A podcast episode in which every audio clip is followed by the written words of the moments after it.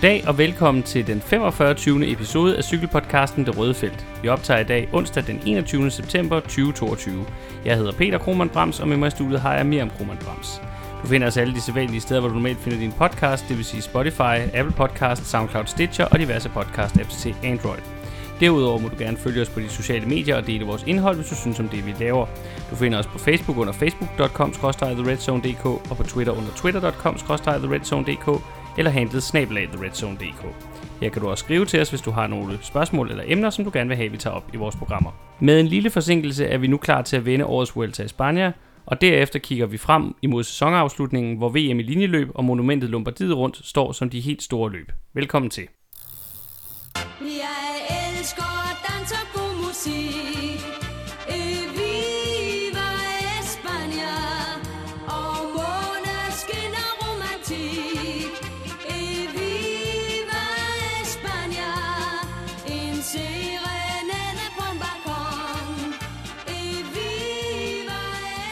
Vi må jo starte vores gennemgang af årets sidste Grand Tour med at komme med en uforbeholden undskyldning. For den mand, der endte med at stå øverst på podiet, var en mand, som vi nok må være ærlige at sige, ingen af os her i studiet havde særlig meget tiltro til. På forhånd altså. Remco i Vennepol, undskyld for udtalelsen om, at du aldrig ville blive Grand Tour rytter. Eller jeg tror, det vi sagde, det var, at vi skulle se det, før vi troede det, og nu tror vi på det, vi har set det. Det, Vi det har vi. støvet Det har vi nogle virkelig. belgier. Det må, det må man sige. Uh, og man må jo sige, det endte med faktisk at være en temmelig suveræn sejr. Der var nogle omstændigheder, også eksterne omstændigheder, der gjorde, at det blev det. Men uh, det skal ikke tage noget fra den præstation, Remco i Vennepol han leverede. Han tager jo den røde føretrøje uh, på løbets første reelle bjergetappe. Det var den 6. etape op til Picoggiano. Og derfra så så han sig jo reelt set ikke tilbage. Nej, og han var jo især skræmmende i overgangen der mellem u 1 og u 2, hvor han altså virkede som den klart stærkeste rytter i feltet. Mm. Og det synes jeg især, vi så på enkeltstarten til Alicante på 10. etape, hvor han jo bare kørte sine konkurrenter ned i Tundo, så det var kun Primoz Roglic, som var inden for et minut af, af, ham, af favoritterne. Øhm, og, og den dag, der satte han sig virkelig tungt på løbet. Ja, det må man sige. Der, det, der var en reel diskussion derefter om, om det egentlig allerede var afgjort på det tidspunkt. Jeg synes jo så, vi så, og det var jo også noget af det, vi havde talt om lidt på forhånd, at øh, han fik lidt udfordringer, da vi kom op i de virkelig høje bjerge. Altså, vi havde de her etaper i øh, Sierra Nevada-området, hvor at at vi kommer op i de her øh, højdemeter, som, øh, som vi også ser på de øh, hårdeste dage i turen og i Vuel, eller ikke, i- ikke i Vueltaen, i turen og i Gio'en. Og, og der kunne man godt se, at, at der, der er i hvert fald stadig et sted, hvor han kan bygge lidt på, hvis han skal blive en endnu mere øh, dominerende, eller endnu øh, stærkere øh, Grand Tour rytter. For der blev han udfordret af, af konkurrenterne. Ja, og til gengæld så synes jeg, man kan sige, at jeg havde nok frygtet, især der øh, i 2.500 meters højde, at han ville have sådan en dag, hvor han bare virkelig klappede sammen mm. og kunne smide 20 minutter. Øh, og der synes jeg, han viste, at selv på en dårlig dag, hvor han egentlig bliver sat, øh, der kunne han formå at begrænse sit tidstab. Og det synes jeg er en ny side, han viser af sig selv, Mm. det der med at kunne kontrollere det, øh, også de dage, hvor det går dårligt. Der er nogen, synes jeg, der har sagt det her med, at Vuelta-ruten i år var lagt på en måde, hvor man ikke havde så mange af de der etapper, hvor man skal hen over fem kæmpe store bjerge på samme dag, mm. som man nogle gange skal øh, i Giroen og i turen, og også nogle gange har set i Vueltaen. Øh, så der kan måske være noget der, øh, fordi han er den her meget eksplosive ryttertype. Han kan køre nogle enormt høje watt hen over måske en halv time eller sådan et eller andet. Øhm, og det lå ruten måske meget godt til i år, også den Mm. måde løbet blev kørt på, at de fleste dage, der kom angrebene først øh, på ham på det sidste bjerg, Mm. hvor han så skulle koncentrere sig om at lukke de angreb ned. Øh, hvad hvis man havde haft sådan en etape, hvor der havde været 4-5 store bjerge, og Roglic var kørt øh, mm. allerede på det tredje sidste bjerg, øh, hvor man sådan kommer øh, i pres, under pres, over en meget længere distance. Ja, altså hvor Jumbo havde lavet sådan et, kunne lave sådan et nummer, eller det de gjorde på Pogacar i turen for eksempel. Ja, øh, men jeg synes ikke, det er så noget fra hans sejr overhovedet, mm. fordi det er trods alt sjældent, at vi ser den form for angreb i moderne cykelsport. Så jeg synes øh, virkelig, det er en flot og meget øh, fortjent sejr, og han viste jo også, at han rent faktisk kunne finde benene igen, Mm. efter han havde haft de her dårlige tapper. Øh, så mod slutningen af løbet så han jo igen stærk ud, Øhm, på det tidspunkt var øh, Primoz Roglic så selvfølgelig udgået, som vi skal snakke om øh, senere, men han vandt jo en regulær etappesejr på 18. etape, og han forsvarede sig rigtig flot øh, på den sidste øh, udfordrende dag på 20. Øh, 20. etape. Øhm, så jeg synes, vi må konkludere, at han bare virkelig er vokset som rytter i løbet af i år. Og det er jo både øh, fysisk, men det er i den grad også øh, mentalt. Altså han har jo både, øh, hvis vi kigger i år, den store monumentsejr i Liège-Bastogne-Liège, så har han den der enormt øh, dominerende sejr i San Sebastian, som var lige op til Vueltaen, mm. som var noget, af det, der gjorde, at folk betragtede ham som en favorit. Øh, og nu har han så sin første Grand Tour triumf. Og jeg synes, at det er helt vildt, når man øh, tænker på, hvordan han kørte øh, bare i foråret. Altså øh, i Tirreno Adriatico, der blev han øh, sat på løbets bjergetappe i gåseøjne, fordi det var mere sådan en form for kuperet etape. Og der var mange, øh, inklusive os, der talte om, at han måske skulle skyde en hvid pind efter at køre nogen som helst former for klassement, mm. altså også i ugetabeløb. Så sidenhen i løbet af foråret, der kom fjerdepladsen i Baskerlandet rundt og en samlet sejr i Tour of Norway. Men så var der igen den her skuffelse i Schweiz rundt lige før turen, hvor han kun blev nummer 11 samlet og virkelig var udfordret i bjergene. Øhm, så han har bare taget et gigantisk skridt op øh, på den her side af sommerferien. Øh, og jeg synes i hele sæsonen, at vi har set en enorm mental øh, udvikling. Lefebvre, øh, altså sportsdirektøren på holdet, øh, eller holdmanageren kan man vel kalde det, har kaldt det en eller anden form for meta, øh, mental øh, metamorfose, altså, Mm. fordi han bare virkelig har rykket sig langt. Altså sidste år, der kri- kritiserede vi ham meget for, at øh, han havde sådan en tendens til at bebrejde alle mulige andre, når det gik dårligt for ham. Så Mm. var det cyklens skyld, eller holdkammeraternes skyld, eller ruten, der var dårlig, eller vejret, eller et eller andet, som ikke havde noget med ham at gøre. Hvor i år, der har vi set, at hver gang der er noget, der er gået galt, så har han sagt, i dag havde jeg dårlige ben, der er ikke nogen undskyldninger, det Mm. må jeg hjem og arbejde med, vi må hjem og kigge på, om jeg kan gøre noget anderledes, skal jeg restituere mere, inden jeg går ind til løbende, skal jeg køre det på en anden måde, og der synes jeg, vi ser, at det virkelig har givet pote, at han har ændret mental indstilling, måske også har gjort, at øh, han har haft mulighed for at forbedre sig fysisk, og bare blevet en bedre cykelrytter. Øh, Jeg synes, det er en vildt god historie, at han har øh, gennemgået den her øh, udvikling. Han er kun øh, 22 år, skal vi huske, så der er jo også noget udviklingspotentiale for ham fremadrettet. Øhm, jeg så Lefebvre efter Vueltaen var ude og sige, at de ovenpå hans øh, slemme styrt i Lombardiet rundt i år 2020 havde lagt sådan en form for fireårsplan for hans comeback, mm.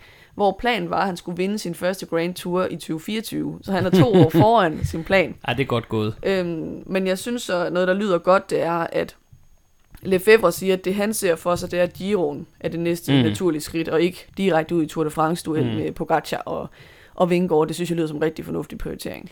Jeg tænker lidt på, om det her også kommer til sådan at ændre perspektiverne for Quickstep-mandskabet, fordi det har jo lidt været det her øh, mantra, de har kørt efter i mange år, hvor at i forhold til Grand Tours, så var det noget med at hente etappesejr, man havde typisk haft en rigtig hurtig sprinter med i, til turen og også til Gio'en. øh, så er det det, man primært satte på, og så har man måske haft en rytter med, jeg har tidligere set med sådan en som Dan Martin for eksempel, da han kørte for dem, så kunne han prøve at køre med om top 10 placering, måske top 5, hvis det gik rigtig godt, men, men det var ligesom det, man gik efter, når vi snakkede de store etabeløb. Øh, ændrer det her, tror du, perspektiverne for Quickstep fremadrettet set? Også når man tænker på den sæson, de jo egentlig har haft i år, hvor hvis man ser bort fra Evenepoel, så har det jo ikke været super godt. Og det er svært at se bort fra Evenepoel i den her sammenhæng, for det har været virkelig godt. Men, altså øh, ja og nej, jeg tror stadig, at klassikerne vil stå som en kæmpe stor prioritering. om du tænker for ikke så meget på klassikerne, jeg Øhm, tænker på, hvordan de ja, går til... men det jeg vil sige Ja. det, med det, det var, så jeg tror ikke, at de vil gå efter at blive et, et Grand Tour hold, som primært skal fokusere mm. på klassement i Grand Tours helt generelt.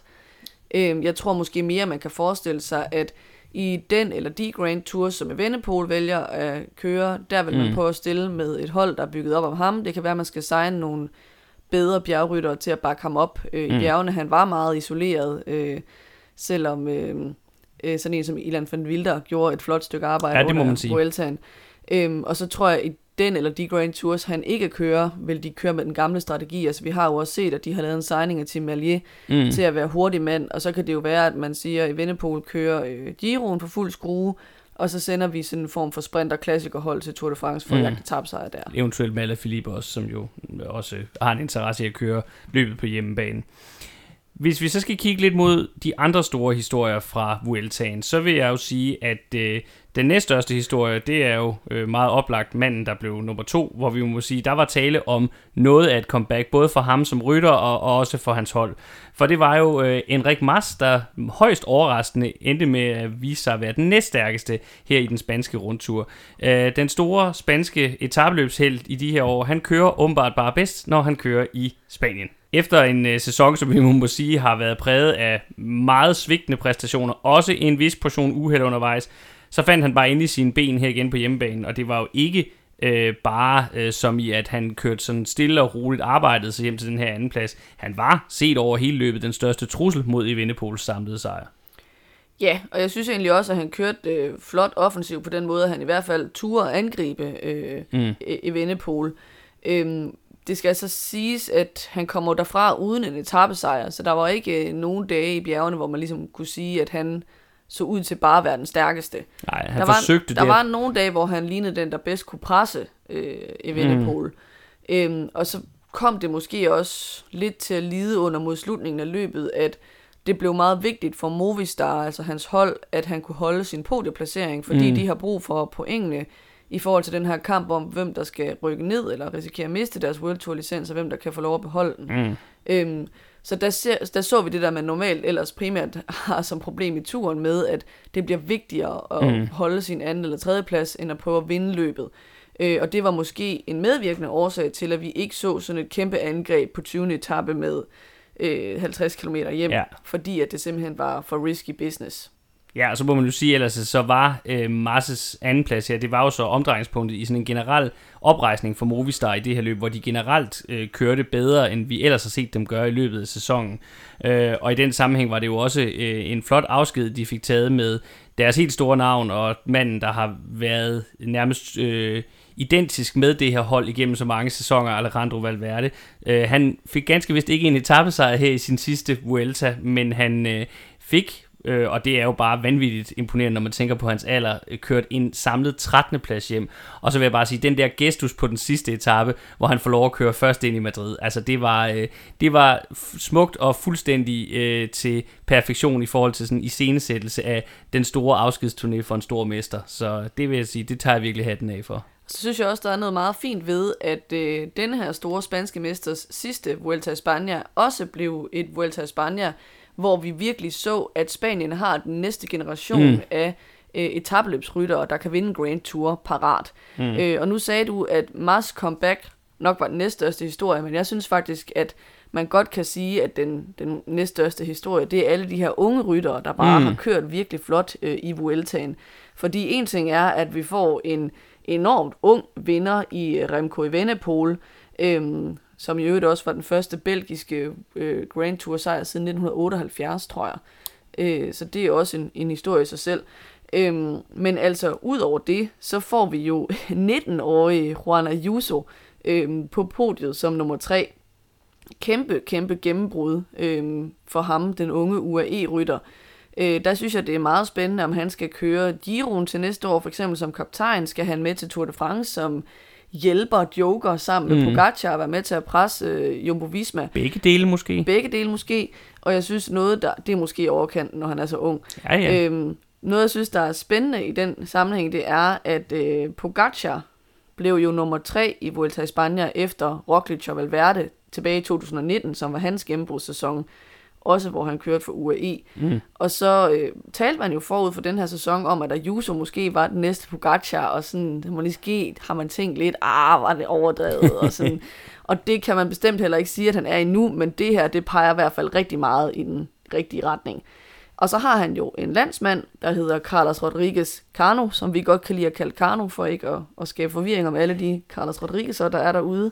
Præcis. Øhm, han er 21, øh, og han så altså i lang tid øh, ud til også at kunne være en, der skulle kæmpe med om podiet, måske kunne presse Ayuso lidt. Han styrtede så desværre ret slemt på 18. etape, og det endte med, øh, tror jeg, at begrænse ham lidt til sidst, så han droppede nogle placeringer ned. Øhm, men han ender alligevel på en syvende plads, og det synes jeg i den grad er godkendt for så ung en rytter. Og det viser også noget om, at Ineos har næste generation klar. Vi taler jo en del om, at det er lidt svært at se, hvordan de skal presse øh, UAE og Jumbo i de Mm. her år. Men øh, i ham, der har de i hvert fald en fremtidig Grand Tour-rytter, det er der ikke nogen tvivl om. Og i den forbindelse er det jo værd at bemærke, at Arensmann, Thymen Arensmann, på 22, han kørte sig øh, op i top 10 undervejs i løbet og endte på en samlet 6. plads. Øh, og selvom han gjorde det for DSM-holdet, øh, så skifter han jo til netop Ineos næste år, så der har de så endnu en dygtig fremtidig Grand Tour-stjerne. Og han formåede altså også at tage en etappesejr øh, øh, på den store dag i, i Gianoada, en virkelig, virkelig stor skalp, han tog der. Så han er også en meget spændende rytter, man skal øh, følge fremadrettet. Ja, og så vil jeg lige, og det er måske også øh, lidt øh, på grund af mine øh, personlige præferencer her, men jeg synes ikke, vi skal glemme Joao Almeida, øh, som jo også kun er 24. Han virker jo som en gammel mand, nærmest sammenlignet med alle dem, vi lige har gennemgået. Men øh, han øh, ender jo faktisk på en også meget, meget flot femteplads i det her løb.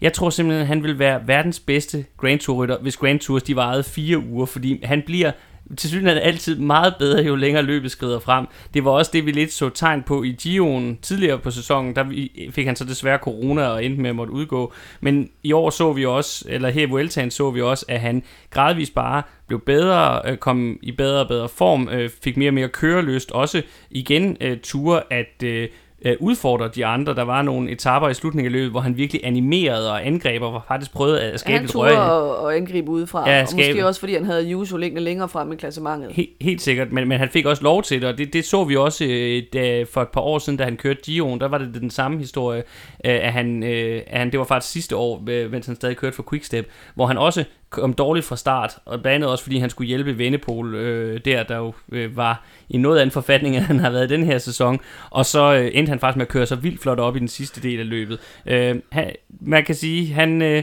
vi har ikke Grand Tours på fire uger, så han ender nok aldrig nogensinde med at blive en Grand Tour vinder, men øh, jeg synes, man må let på hatten for ham, og han er øh, en, øh, når han er til start, hvis ikke han bliver låst i en hjælperrolle, så vil han være en, øh, en top 5 podiekandidat, øh, om end han nok lige ma- kommer til at mangle det sidste for at nå helt op på, på pallens øverste trin. Ja, så er der bare nogle spændende perspektiver i, at hvis UAE virkelig, virkelig, virkelig gerne vil vinde Tour de France, så kunne de jo stille op med både Pogacar og Almeida og Ayuso og Adam Yates, som de mm. lige har hentet. Det vil være et mega stærkt hold, hvor man virkelig kunne give Jumbo Visma deres egen medicin og bare angribe Vingro og Roglic på skift. Det er ikke sikkert, de vil prioritere sådan, fordi de måske også gerne vil have, at nogle af dem kan være kaptajner af de andre Grand Tours, mm. men det kunne være enormt spændende at se sådan en konstellation. Ja, man skal også, som du også selv sagde med Ayuso tidligere, man skal passe på med at ligesom drive volddrift på de unge rytter. Altså det kan også smadre dem, hvis de bliver øh, kastet ud i noget, de ikke kan magte for tidligt. Så, så det er en overvejelse, men det er, der er virkelig nogle spændende perspektiver i, i det her, også set frem mod næste sæson. Nu har vi talt en del om succeshistorierne, så tænker jeg, at det er på tide at vende sig mod øh, skuffelserne eller fiaskoerne, om man vil. Og der er det jo oplagt at starte med den, må vi efterhånden sige, evigt uheldige Primoz Roglic. Øh, den tredobbelte forsvarende vinder af Vuelta a España lå jo til at komme på podiet og lignede første udfordreren til Remco i Vennepol langt hen i det her løb. Han vandt fjerde etape foran Mads Pedersen, han blev nummer to på enkeltstarten, og på etaperne i Sierra Nevada, der hentede han jo faktisk ind på Evenepoel. Øh, det er jo et åbent spørgsmål nu, om, om han ville kunne have lukket det hul yderligere i den sidste del af løbet, men der var i hvert fald tegn på, at han var i bedring, og han var på vej fremad. Men, men, men, Akker V, endnu en gang endte hans øh, evner til, eller manglende evner til at holde sig på cyklen med at koste dyrt. For på 16. etape, ovenikøbet midt i et forsøg på angreb i Vennepol, der så ved et uheldigt sammentræf, fordi det var, øh, tror jeg, det var Roglic ikke klar over, da han lancerede sit angreb, at Evenepoel faktisk havde defekt og, og stod og, og kæmpede med at få, øh, få sin cykel i gang igen. Jeg tror faktisk, han stod og kæmpede med at vente på en ny cykel, øh, eller i hvert fald på sin mekaniker. Øh, at, øh, at der, øh, der lancerer Roglic det her angreb og slår faktisk et hul og ser ud til i hvert fald at tage nogle sekunder, der kunne vise sig at være vigtige i kampen om føretrøjen. Men så er han ukoncentreret i spurten i den her reducerede gruppe. Han kommer op og ride på Fred Wrights baghjul, og så styrter han så slemt, at han faktisk ikke kan stille til start dagen efter. Ja, og der skal det lige indskydes, at han har jo efterfølgende været ude og sige Roglic, at han mener, at det var Fred Wrights skyld, at han væltede, øh, og at han havde kørt øh, mm. farligt, altså at han ligesom var kommet kørende bagfra og havde slået, fået slået styret ud af, af Roglic's hænder. Øh, så det har sådan været meget omdiskuteret efterfølgende, og det er enormt svært at se, fordi der ikke er særlig godt videomateriale af det. Øh, hvilket så faktisk skyldes, at Mads Pedersen jo vandt øh, denne her etape, Mm. og han spurgte så overlænt, at øh, det kamera, der sådan ligesom øh, filmer, filmer fra ovenfra, Ja. det var kørt med øh, Mads Pedersen for at filme hans spurt, så man kan ligesom ikke se det styrt, der sker, fordi det sker bag ved kameraet, så man kan kun Mm. se det forfra. Øhm, og der er det lidt svært at se, hvad det egentlig er, der foregår. Øhm, men øh, Jeg kan, ikke væltede i hvert vurdere, fald. jeg, kan ikke, jeg kan ikke vurdere det ud for de billeder, øh, vi havde, altså de, de billeder fra foran, netop fordi, at de andre ryttere ligesom står i vejen for, for, øh, for fokus, så man kan ikke se præcis, hvad det er, der sker nede bagved med Roglic og Ride. Så, men han væltede i hvert fald, Mm. og det var vildt ærgerligt for ham selv, og også ærgerligt for løbet, fordi det kunne da have været interessant at se, om han rent faktisk kunne have udfordret mm. Evenepoel til sidst. Jeg er i hvert fald ikke i tvivl om, at han ville have haft modet til at angribe udefra. Spørgsmålet er, om han også ville have haft benene, fordi vi så jo for eksempel en At den anden dagene, Sjerne var der at etape, øh, der var det sådan lidt. der havde man fornemmelsen af, at der burde han have angrebet, hvis han selv havde benene, og der angreb Mm. han meget, meget sent og, og sad meget længe i, i Evenepoels baghjul, selvom at Evenepoel øh, ikke kunne følge med de andre favoritter. Nej.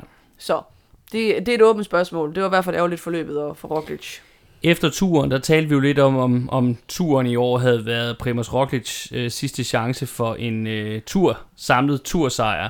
Øh, efter det her, så kunne man måske være så fræk at stille spørgsmål om det her, det var Primoz Roglic sidste chance for en, en Grand Tour sejr i det hele taget. Ja, jeg tror, det er for tidligt at dømme ham ude, fordi så gammel er han jo heller ikke, og han vil sagtens kunne komme tilbage på sit niveau. Øh, Jeg tror, der er måske to spørgsmål. Ikke? Det ene det er, om han mentalt bare er ved at være knækket over alle de gange, hvor det er gået Mhm. galt. Øhm, det andet spørgsmål, det er, om han ligesom bare bliver overhældet bagfra af, at de unge rytter er så gode, fordi Mm. øhm, nu var optakten selvfølgelig ikke optimal til Vueltaen, på grund af den måde, han gik ud af turen på.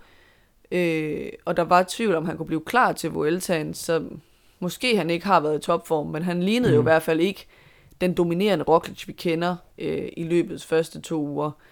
Øh, så spørgsmålet er, om det er udtryk for en generel ting, eller måske mere bare var, at han ikke havde fået trænet optimalt. Mm. Øh, så jeg synes, det er for tidligt at kalde den, men øh, han virkede da noget slået øh, mentalt bagefter. Ja, så tænker jeg også bare, at, at vi har været lidt om det før, men jeg synes, det er værd at nævne igen, netop fordi han ender med at udgå på den her måde.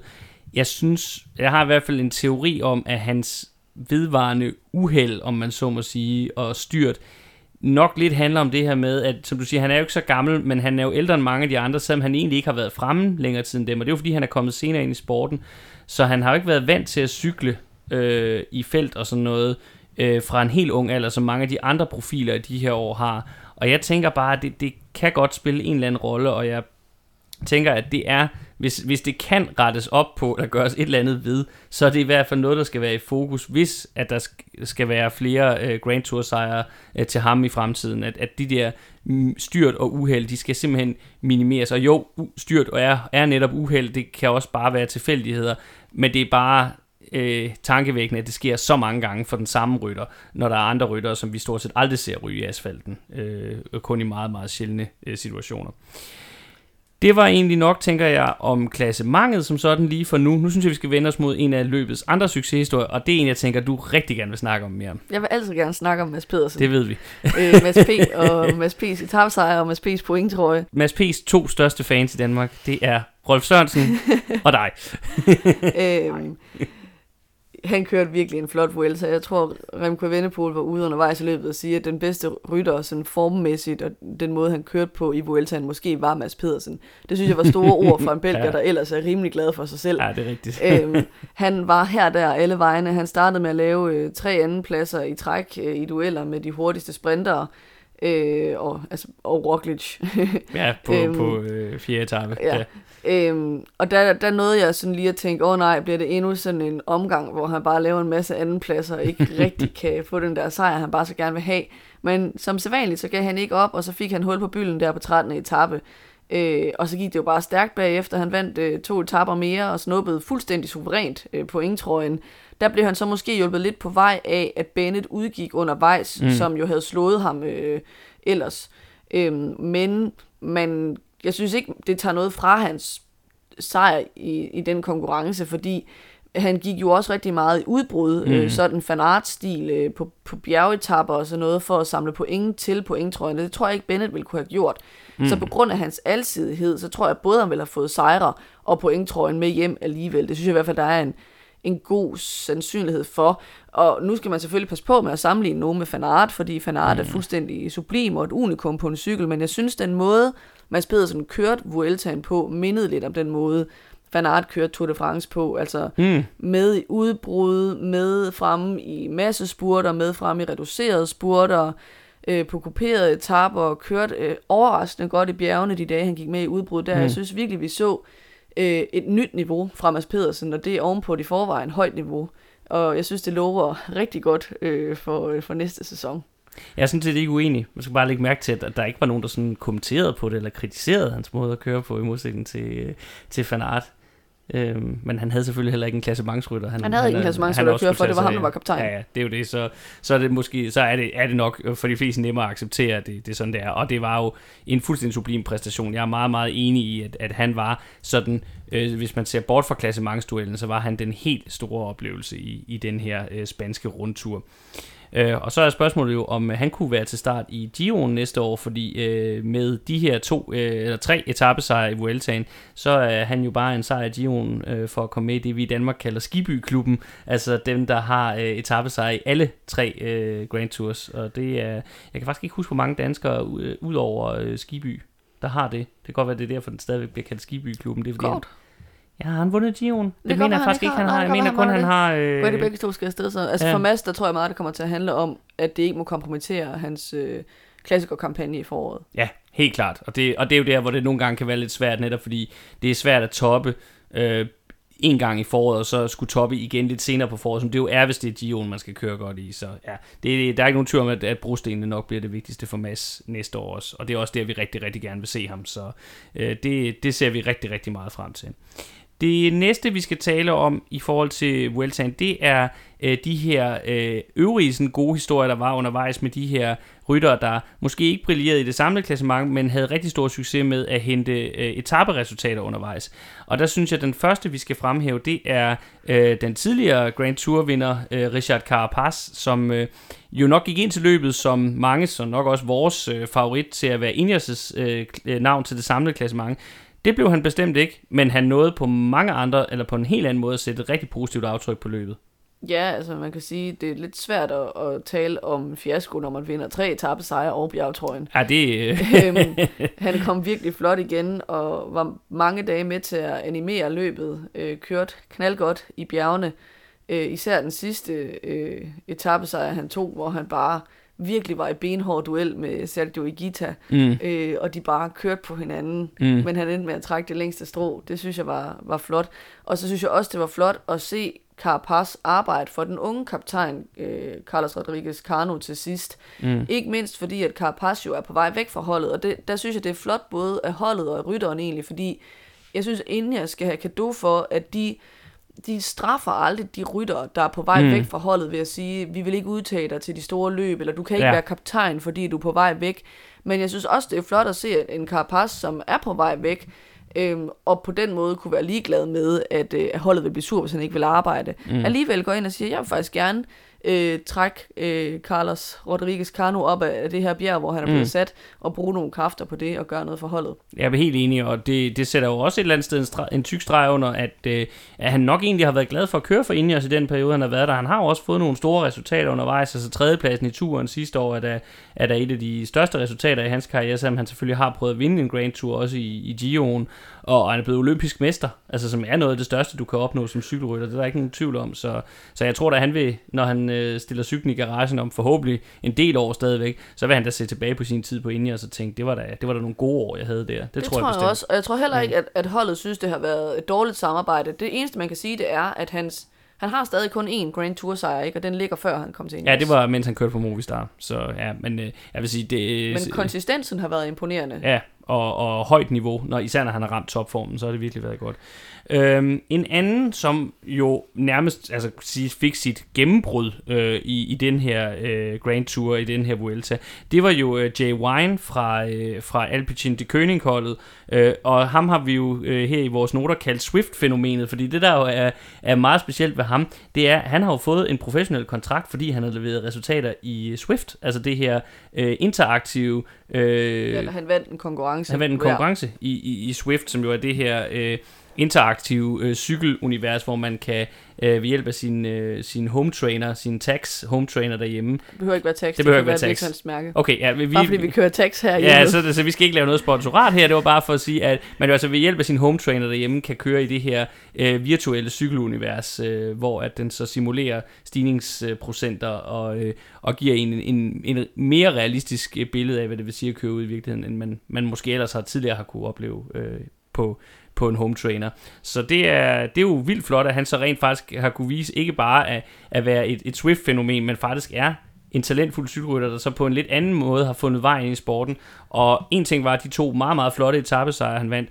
Noget andet var jo, at han lå jo faktisk også rimelig suveræn til at vinde bjergetrøjen, inden at, at han så faktisk i det samme styr, som også endte med at begrænse øh, Kano i slutningen af løbet, øh, der var han nede og, og, og blev så slemt skadet, at han desværre ikke kunne gennemføre. Øh, så, øh, så ærgerligt, at det skulle slutte på den måde, men, men flot gennembrud af Jay Wine, ham tror jeg, vi kommer til at se mere til også i fremtiden. Ja, og sådan rørende at læse om, hvordan ham og hans kæreste ligesom havde rykket teltpælene op fra Australien og var flyttet til Europa for at forfølge den her drøm, som måske virkede lidt urealistisk på en eller anden måde. Ikke? Ja, flot, du Mm. vandt øh, en virtuel, semi-virtuel konkurrence. Skal du så ud og køre i virkelighedens verden? Hvordan kommer det til at gå? Øh, og så har han bare på rimelig kort tid leveret det her kæmpe store gennembrud med to etappesejre i Grand Tour løb. Ikke? Ja. Det er enormt imponerende, synes jeg. Så kunne vi også godt snakke om Arnsmann her, men ham har vi allerede været lidt rundt om. Jo, Øh, jeg synes, hvis man skulle nævne noget, så er det, at han øh, kom ligesom rimelig hurtigt bag af dansen i mm. Mm. det samlede klassement. Så kørte han en masse udbrud. Øh, der var den her dag, hvor han lå sig falde tilbage, hvor han måske skulle være blevet med fremme, fordi så kunne han være kravlet endnu længere op i Mm. klassementet. Øhm, men det der med, at han ligesom kom til at køre øh, løbet en lille smule bagfra, hvor han først smed en masse tid, og så gradvist arbejdede sig op igennem nogle udbrud, og så til sidst sad med favoritterne. Så vi mm. så jo, at han kan det her med at sidde med favoritterne og vinde en etappesejr fra en finale. Mm. Øhm, og det synes jeg virker lovende i forhold til hans fremtid som Grand Tour rytter. Det eneste, der er ærgerligt ved det, det er, at vi så stadig ikke har set ham køre som klassementskaptajn hen over mm. tre uger. Fordi det er noget andet, end at øh, starte mm. med at komme bagud, og så køre sig op på et udbrud. Så tænker jeg, at øh, det lige giver mening at fremhæve Louis Manches, som jo er endnu et eksempel på, at øh, det her øh, Intermarché Wanty-hold, de formår simpelthen bare at, at få noget ud af deres ryttere. Det var jo en, en mand, som øh, vi tidligere på året snakkede om, at vi jo havde dømt ude, men så allerede i turen viste han jo også øh, nye øh, positive takter, og havde en etape der, hvor han var rigtig, rigtig tæt på at vinde. Det lykkedes ikke der, men det gjorde det så her i Vueltaen. Han fik øh, karrierens, må vi sige, nok største triumf indtil nu, med en etappesejr på 9. etape, øh, og så endte han faktisk også lige uden for top 10. Øh, jeg var lidt ærgerlig over, at han ikke kom ind i top 10. Jeg mener, jeg havde ham i, i, i min, top 10, mit bud på top 10 inden, øh, inden løbet. Men en, endnu en virkelig, virkelig flot, altså den anden meget flotte Grand Tour præstation for ham i år. Øh, de kan et eller andet på Wanty lige nu. Det kører for dem, det må man bare erkende. Øh, og så en mand, som ikke fik en etappesejr med hjem igen, men som igen viste høj moral og, og kørte for det og, og var tæt på flere gange, nemlig den unge brite Fred Wright. Øh, ligesom i turen, hvor han også kørte, var det lige ved at næsten, men han er altså kun 23, øh, så det kan godt være, at etappesejren ikke er kommet nu, men der er masser af mere fremtid i ham. Ham tror jeg også, vi skal regne med at se over de næste par sæsoner i, i de store etappeløb. En sidste overskrift, vi også lige skal rundt om, og som desværre også er i den negative afdeling, det var, at selvom det var en spændende interessant, fantastisk, underholdende Vuelta på mange punkter i år, så var den altså også præget af en række uheld, og ikke mindst en øh, sygdom, vi er rigtig, rigtig trætte af at snakke om, nemlig corona. Øhm, for undervejs så var der rigtig mange interessante navne, der endte med at få deres øh, Vuelta spoleret enten af styrt eller af positiv coronatest. Udover dem, vi allerede har talt om, så kan vi nævne Batistella, Boitrago, Wout Poels, Sam Bennett, Ethan Hader, Pavel Sivakov, Jan Hirt, Domenico Portovivo, Michael Woods, Alaphilippe, Simon Yates. Alle sammen, og det var altså bare lige for at nævne de største, som vi øh, mistede undervejs i løbet. Øh, alle sammen navne, der kunne have gjort en forskel, og som også flere af dem lignede nogen, der kunne spille en rolle i løbet, men som altså endte med at forlade løbet af den ene eller den anden årsag. Om for mange af dems vedkommende, der var det altså fordi, at de uden at man sådan i sønderlig grad kunne se det på deres kørsel, øh, blev ramt af en, en positiv øh, coronatest. Øh, så jeg vil sige, at selvom det heller ikke blev lige så slemt i denne her omgang, så var det her øh, corona-cirkus, som jeg altså vil tillade mig at kalde det, der har været omkring UCI's regler vedrørende, hvordan sygdommen skal håndteres i feltet og gennem test, så kom vi til at se noget af det, som vi egentlig havde talt om, at vi frygtede i forhold til turen. Det kom vi til at se i lidt højere grad her i Vueltaen. Øh, dog øh, selvfølgelig stadigvæk ikke i så stort et omfang, som vi havde frygtet. Vi, vi endte trods alt ikke med at se en i Vennepol blive smidt ud af løbet for en øh, positiv coronatest, øh, iført den røde førertrøje. Nej, og det var jo uhyggeligt mange. Altså det, tre, tre etapper før løbet sluttede, der tror jeg, vi kom op på nummer 25, der gik hjem med corona.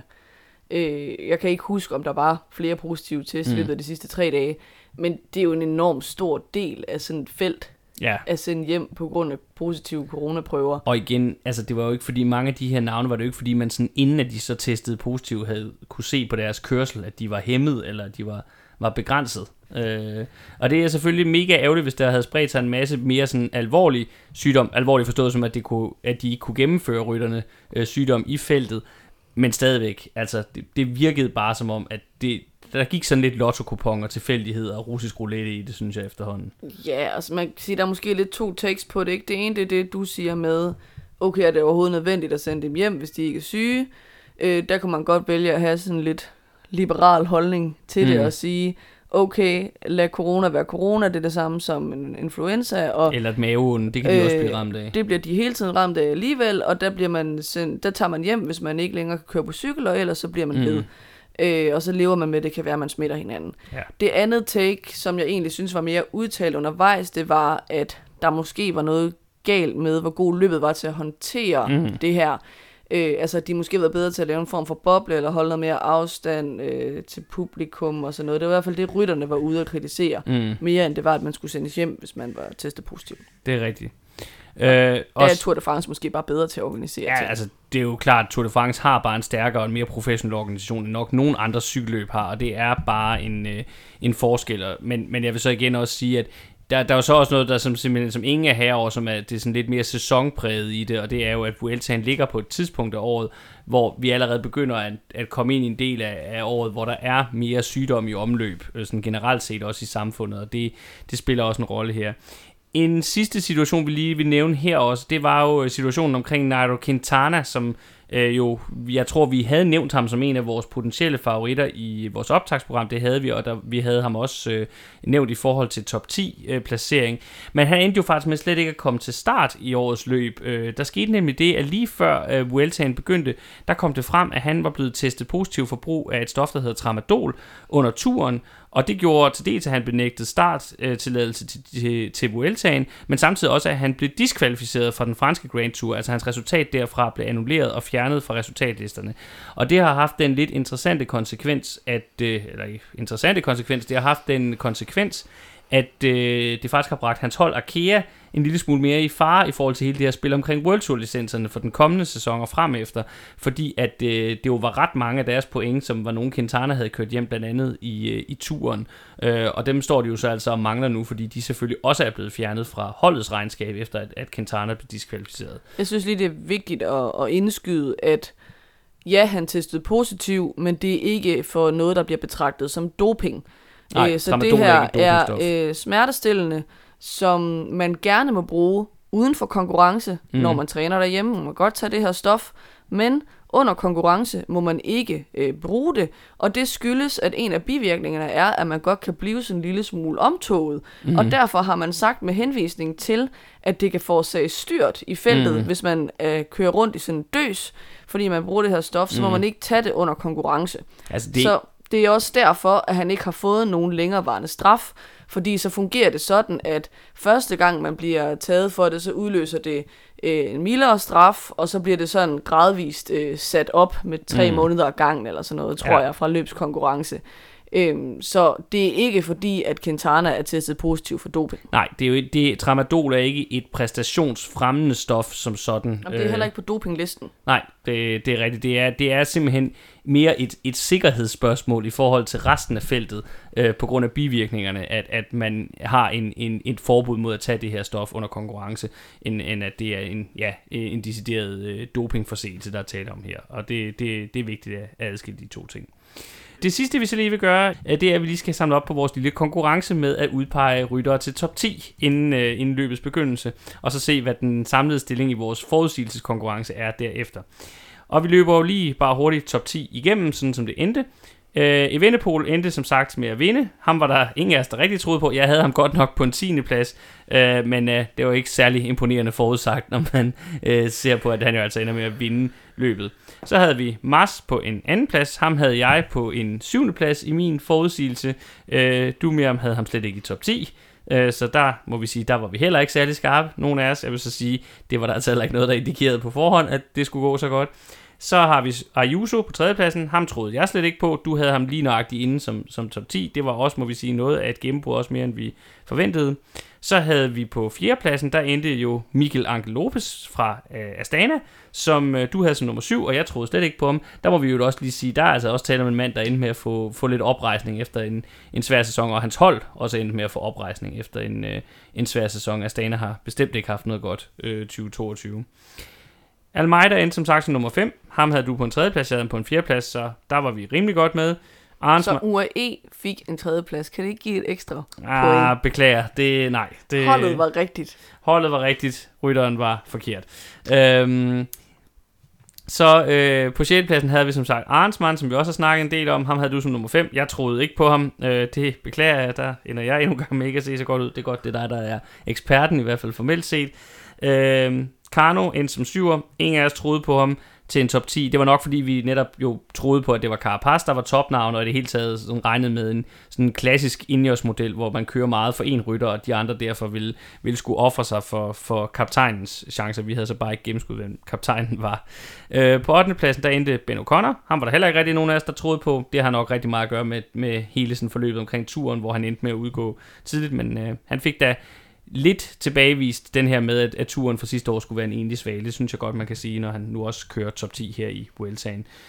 9. pladsen, den gik til Oran. Det var der heller ikke rigtig nogen af os, der troede på, eller havde troet på ham på forhånd. Det var sådan, nok også en meget klassisk Oran, hvad vi kan forvente af niveau for ham nu. Og så 10. pladsen, den endte med at gå til Jai Hindley. Du havde ham som nummer 4 på forhånd. Jeg regnede jo faktisk med ham som vinder. Han var mit vinderbud. Det må siges måske at være en lidt skuffende præstation oven på, på Gio-sejren, at det kun bliver til en, til en 10. plads her. Ja, og jeg synes, det bekræfter den her fornemmelse af, at han er sådan lidt af en humørrytter, hvor man ikke kan vide, om han stiller til start i ordentlig form, eller om han er sådan, har dasket lidt for meget rundt, og ikke lige har ramt den helt rent. Ja. Øh, og den slags rytter giver selvfølgelig meget til de løb, hvor de lige pludselig eksploderer og Mm. altså af energi og bare er Ja. rigtig godt kørende. Lidt ligesom Simon Yates egentlig. Ja, er Øhm, en men jeg synes, øh, når man skal byde på top 10'er, så er det en lille smule frustrerende, fordi at der er så langt mellem top- og bundniveauet. Ja, det, det er lidt ligesom Lander, ikke også? Der er det øh. lidt øh, nemmere med den type rytter, der altid leverer stabilt. Ja. Så mere Mindchess, mindre Hindley. Er det det, vi er ude i? Ja, Mindchess man altså, kan kommer heller sige, ikke i top 10, kan Jeg troede, sige. jeg troede Carapaz var indbegrebet af stabilitet, og han Ja. endte uden for top 10. Der er kun én rytter, cykelrytter i verden, der er indbegrebet af stabilitet, og det er Michael Matthews. Han bliver altid nummer to. Bare ikke i en Grand Tour. Nej, det er rigtigt nok. Øh, hvis vi... og på den note, så tænker jeg, at vi lige også skal have samlet op på, øh, hvordan det så øh, står med pointene i vores lille interne konkurrence. Vi kan lige opsummere, at inden, øh, eller efter øh, turen, inden Vueltaen, der var stillingen, at du, Miriam, havde 19 point, og jeg havde 17 point. Og hvis vi kigger på vores forudsigelser indløbet, og så hvordan det endte, så ender jeg med at få øh, 4 point ud af Vueltaen, mens du får 5 point. Så det betyder, at nu her med kun, øh, må vi sige, VM og Lombardiet tilbage i forhold til forudsigelser, så er stillingen, at Miriam, du har 24 point, og jeg har 21 point. Ja, jeg holder marginalt fast i min øh, rolle som ekspert. Det er ikke fordi, at det er fremragende præstationer, vi ligger for dagen. Du skal bare huske, at hvis det holder til mål, så er en sejr, det er en sejr. Inden at vi kigger fremad mod de to store øh, løb, der er tilbage her i sæsonafslutningen, så vil vi lige samle op på nogle af de andre resultater, der har været siden vi sidst var i luften, og altså som har kommet i de øh, World Tour løb, store løb, der har været undervejs, øh, også øh, mens der er blevet kørt Vuelta. Øh, det første løb, vi kan nævne, det er det tyske endagsløb Bemer Cyclassics. Classics. Det er det her rimeligt flade løb, der køres øh, omkring i og omkring Hamburg i Tyskland, og som jo er et, øh, et World Tour løb, men også er, må vi erkende, typisk et af de mindre dramatiske. Øh, der var lidt øh, drama undervejs i år med et styrt i finalen, der, der skabte lidt huller og lidt afstand, og som jo gjorde, at øh, det var en lille gruppe, der endte med at køre om sejren. Og her fik vi en, må vi nok sige, kæmpe overraskelse, fordi der simpelthen skete det, at Marco Haller, han overspurtede blandt andre Van Art. Jeg gentager lige, Marco Haller overspurtede Van Art og endte med at vinde øh, Bemer Cyclassics. Classics. Øh, Indsæt 2022. selv udråbstegn. Ja, lige præcis. Øh, de andre, der var i finalen, det var sådan lidt mere sådan upåagtede navne, når det handler om en hurtig afslutning, som øh, Quentin Hermans og, og Jonathan Narvaez. Øh, de øvrige favoritter, som for eksempel Jasper Philipsen, Phil Bauhaus og Alexander Kristoff, de endte med at komme ind 9 sekunder efter, på grund af det her øh, styrt den her splittelse, der havde været i finalen. Men, men jeg tror, det er første og, og måske også eneste gang, i at vi kommer til at se øh, Marco Haller slå Wout van Aert i, i noget, der altså var en regulær øh, spurt mod hinanden. Fanart han fik så oprejsning øh, kort tid efter i det franske World Tour løb Bretagne Classic, der også hedder Grand Prix de Pluie eller Grand Prix West France. Øh, her fik han sin øh, favoritsejr, om ind i, fra et lidt større udbrud, øh, og der, hvor vi bare må sige, at det kan godt være, at Fanart slog til i finalen der, men det var der flere af de andre sådan, topfavoritter, der sad i den her gruppe, der ikke gjorde. Øh, blandt andet så endte øh, sæsonåbenbaringen Arno Deli med kun at blive nummer 4 i en afslutning, der ellers burde have ligget ret godt til ham. Han blev blandt andet slået af danske Alexander Kamp, der endte som nummer 3, og så øh, fik vi den meget, øh, tænker jeg i hvert fald indtil da, øh, ukendte og upagtede Axel Laurence øh, ind på andenpladsen. Øh, det er at tale om en 21-årig franskmand fra det lille B&B hotelhold, der fik, må vi nok sige, det er karrierens helt store resultat, øh, helt, helt klart største resultat indtil videre øh, på sin palmarès. Og så har vi jo haft øh, de to kanadiske indslag på øh, World Touren Ja. øh, afviklet her hen over de sidste øh, stykke tid. Øh, og øh, det er jo sådan en lidt sjov opfindelse, fordi Mm. at man lige pludselig flytter alle holdene øh, til Canada hen over en weekend, Mm. hvor de så kører øh, et endagsløb i Quebec om fredagen, og så kører de et endagsløb i Montreal om søndagen. Som mange nok kender som Montreal, skal vi bare lige sige. Montreal. Ja. Det, Øhm, Quebec er jo den fransktalende del af Canada, ja, ja. øh, som er bilingual. Ja, Øhm, ja I hvert fald bilingual. Ja, jeg tror, den er faktisk primært fransk talende i virkeligheden. Ja. Øhm, så jeg synes, det er på sin plads at udtale det på fransk. Det er også fint, men der er nok mange, der ikke er så velkendt ude i det franske, at de, de Og vi kender. kan måske også præcisere, at det er selvfølgelig i Quebec City, ja, at øh, ja, det første det er byen, foregår. byen Quebec. Yes. Øhm, hvor om alting er, øh, så i det første af løbene i Quebec City, der endte øh, Cosnefroy jo med at snyde alle de andre favoritter ved at angribe på sidste omgang. Øh, og øh, det hug, han satte ind, var altså så godt, at de øh, øvrige favoritter ikke kunne nå at, øh, at hente ham. Øh, så han nåede lige akkurat øh, i mål og over stregen øh, som første mand på det her dristige angreb. Øhm, og det er jo øvrigt også noget af det, der gør, at folk lige pludselig ser Cosnefroy som en joker til at kunne, øh, kunne vinde VM Ja, lige om lidt. Ja, og jeg ved ikke, om man, man måske kan sige i den sammenhæng, at mange nok havde regnet med, at Wout van Aert han var favorit til at vinde det her løb. det tænker jeg. og så, da der ligesom var øh, udsigt til, at det ikke kunne blive til en førsteplads, der lignede han måske lidt en mand, der ikke sådan for alvor kørte for at vinde øh, spurten blandt de øvrige favoritter. Øh, og så blev han jo så slået af Michael Matthews og, øh, og Binyam Girmay, øh, som tog de andre pladser på pallen.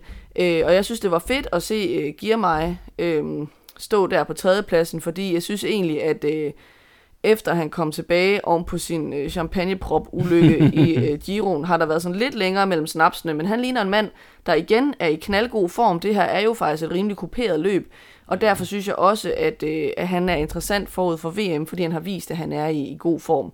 Og så øh, i Montreal, der fik vi jo virkelig også en indikation af, øh, hvordan formbarometeret er blandt nogle af totalt topfavoritterne til VM, fordi det var den her mega lange spurt mellem Tadej Pogacar og Wout van Aert i finalen. Øh, og jeg sad hele tiden, da jeg så spurten og tænkte, nu går Fanart forbi ham. Mm. Nu går Fanart forbi Pogacar, som bare havde åbnet sådan en monster, monster lang spurt. Og det ender simpelthen med, at, øh, at Pogacar øh, bare holder Fanart i sit hjul. Fordi selvom øh, han har åbnet så tidligt, så kunne Fanart bare ikke med sig forbi ham. Øhm, og det synes jeg var ret vildt at se, fordi at normalt skulle man jo ellers tro, at Fanart vil vinde sådan en spurt øh, mod Pogacar, også selvom det har været et hårdt løb. Øh, så det, øh, det synes jeg bare gør det endnu mere spændende forud for VM, fordi mm. man har jo talt meget om det her med, at Pogacar vil blive nødt til at kunne læse Fanart for at kunne vinde øh, VM, og er ruten nu hård nok til det. Men øh, nu har han jo i hvert fald givet Fanart noget at tænke over, fordi han til synligheden også godt på en god dag øh, kan slå ham i en spurt. Så kan vi jo lige nævne, at øh, tredjepladsen i det løb, altså i Grand Prix de Montreal, den gik til Andrea Bargioli, hvilket hvis, jeg vil sige personligt var lidt overraskende for mig, da de to øvrige, der var med i den her øh, finalegruppe, udover selvfølgelig Pogacar, Fanart og så Jolie, det var altså Adam Yates og David Gody. Der ville jeg nok have, have troet mere på en af dem umiddelbart. Men øh, det blev altså øh, den unge italiener, der snuppede den sidste plads på pallen her. Og så vil jeg jo bare sige, at ja, de, de her to kanadiske løb er sådan lidt en sjov opfindelse. Det er jo nogen, der nærmest er blevet skabt til øh, da man lavede Pro-turen i sin tid, og så er de fulgt med over på World-turen efter, efter den seneste omlægning. Men jeg synes, de, de kan noget specielt. Det er jo, det er jo to de, så vidt jeg husker, de to eneste løb på World-turen, der er kriterier, altså hvor man kører rundt på den samme rundstrækning øh, i, øh, igen og igen. Øh, og det er jo... det er rundt om Køln. Øh, du mener rundt om den øh, finansplads øh, Frankfurt, rundt om Køln er ikke et World Tour løb. Ja. Øh, øh, det, det gamle rundt om den Henniger Nej, der, eller, du kører en finale rundstrækning, men det løb er ikke et øh, rent kriterium. Det er, er begge de to kanadiske løb. Og så var det jo også bare, og jeg synes, de tit bidrager med noget underholdende cykelløb, og derfor var det jo også rart at have dem tilbage igen. De er jo ikke blevet kørt de sidste to år øh, på grund af, af corona, øh, har de været aflyst i både 2020 og 2021. Så fedt at have dem tilbage. Jeg synes igen, de var et, et godt bekendtskab, selvom det jo også er, selvom det er lidt spøjst, at, at vi midt i den her ellers meget europæisk fokuseret sport, og også på det her tidspunkt stadig meget europæisk fokuseret sæson, lige pludselig tager en, tager en weekend til Canada. Men, øh, men fedt og underholdende, og fedt, at de var tilbage. Det synes jeg virkelig. Og når man ser tv-billederne, så synes jeg også, man må sige, at der var rent faktisk en del ude at kigge på det løb, så det, Det- ser ud som om, det er noget, der bliver taget godt imod øh, blandt lokalbefolkningen. Ja. Øh, den kanadierne, eller kibekanerne, eller hvad, hvad, hvad vi kan, skal kalde Québécois. Ja, som det hedder på fransk. De, øh, de er også til cykling, det er der ikke nogen tvivl om, og god opbakning. Det sidste, vi lige vil have med her, inden at vi så endelig vender blikket øh, frem mod øh, VM øh, i linjeløb, det er, øh, hvordan det er gået på kvinderne, kvindernes, kvindernes, kvindernes World Tour øh, siden øh, sidst. Øh, der kan vi jo blandt andet notere os, at øh, det øh, er fortsat med øh, sæsonsuccesen for Cecilie Utrup Ludvig. Øh, hun vandt øh, etabløbet Tour of Scandinavia. Der var et øh, etabløb øh, for kvinder, der over øh, seks etaper, der strakte sig fra Danmark gennem Sverige op til Norge. Og hun, udover at tage den samlede sejr, så gjorde hun det jo blandt andet ved at vinde kongetappen til norske Nordfjell. Øh, ellers så må vi sige, at det var et løb, der i høj grad var domineret af Marianne Foss. Hun valgte simpelthen at snuppe fire ud af seks øh, etappesejre i, i, den, øh, i den omgang. Så øh, stort løb for, for, for Marianne Foss, men ikke mindst selvfølgelig også for danske Cecilie Utrup Ludvig. Hun var så også rigtig godt med i kvindernes Vuelta, hvor det blev til en samlet femteplads. Øh, og der vil jeg sige, at det viser jo noget stabilitet i forhold til, at hun altså nogenlunde holdt niveau i forhold til, hvordan hun også har gjort det både i kvindernes Dio og i kvindernes tur, og nogle af de andre, som vi så i turen, i form af for eksempel øh, øh, Juliette Labou og Kasia Niviadoma, de skuffede ret meget her i det spanske. Øh, det var dog endnu en gang øh, Annemiek van Fløjten, der endte med at tage den, øh, den samlede sejr rimelig suverænt. Det var så foran Longo Borghini den her gang, og med Follering og Liane Libert på de næste pladser. Øh, Marvi Garcia vil jeg også lige fremhæve, øh, fordi hun har vundet det kuperede franske endagsløb Classique Lorient. Øh, hende så vi jo være rigtig uheldig under øh, kvindernes Tour de France med, med flere styrt og, og mekaniske problemer, men hun har altså øh, formået at holde formen og altså også taget en, øh, en World Tour sejr, siden vi sidst var i luften. Og en sidste rytter, der også fortsat har tur i den, det er Vibes, øh, den hollandske sprinterdronning. Øh, hun vandt det rimelig flade øh, hjemmebaneløb Simak Ladies Tour samlet, og det blev også til to etappesejre undervejs.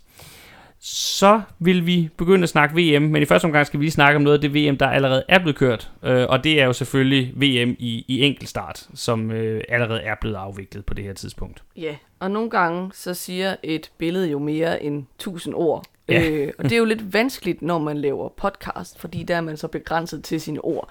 Mm. Men jeg synes, at øh, Remco Evenepoels ansigtsudtryk, da han får at vide af sin soigneur, hvem der har vundet enkeltstarten, det bare siger øh, alt, eller sådan udtrykker, hvordan nok hele cykelverdenen havde det, da de så den enkeltstart. Fordi øh, altså, verdensmesteren i enkeltstart det næste år hedder øh, Tobias Foss og kommer fra Norge. Chok, chok, chok, chok. chok. Øh, og det tror jeg ikke, der var nogen, der havde set komme. Øh, hvis man havde spillet på det, så havde man fået øh, rigtig mange gange igen. øhm, og så tænkte man måske, øh, det var da vildt med sådan en nordmand, der vandt. Og så øh, ser man U23-løbet, og der var det, gud bedre, det var også en nordmand, der vandt. Øh, nemlig øh, Søren Wernskjold, som altså løb med U23-sejren i øh, enkeltstart. Øhm, der hører det så med til historien, synes jeg, at øhm, de efterfølgende har fortalt, at deres træner havde fået konstateret leukemi kort før, at øh, landsholdet rejste afsted.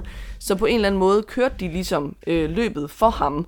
Øh, og det er selvfølgelig ikke noget, øh, man baserer sportsresultater på, men jeg synes på en eller anden måde, at det, det giver sådan en meget øh, smuk dimension til den der dobbelt norske sejr øh, øh, på i herrenes øh, enkeltstart. En, der dog nok er lidt ked af, at det blev den her norske fest, det er svejsiske Stefan Køng, der endnu en gang ender med at være øh, blandt de absolutte favoritter til et af de her enkeltstartsmesterskaber, og igen må se sig slå, den her gang bare med 3 sekunder. Ja, jeg tænker, det der er værst for ham, ikke, det er, at han har, han har stået der på startstregen, og så har han kigget på sådan nogen som Ghana, Evenepoel, Pogacar, og tænkt, det er dem, jeg skal slå mm. for at blive verdensmester. Og så gør han det. Han slår rent faktisk dem her, der er forhåndsfavoritterne. Mm. Og så kommer der sådan en nordmand ind fra højre, som... Det er jo ikke fordi Tobias Foss er ukendt. Han har lavet en top 10 placering i de detaljer. Vi vidste godt, at han øh, kørte en fin enkeltstart for en, en klassementsrytter, men der er jo ingen, der havde regnet med, at han var sådan en, man skulle, skulle være bange for, hvis man sad i hot seat.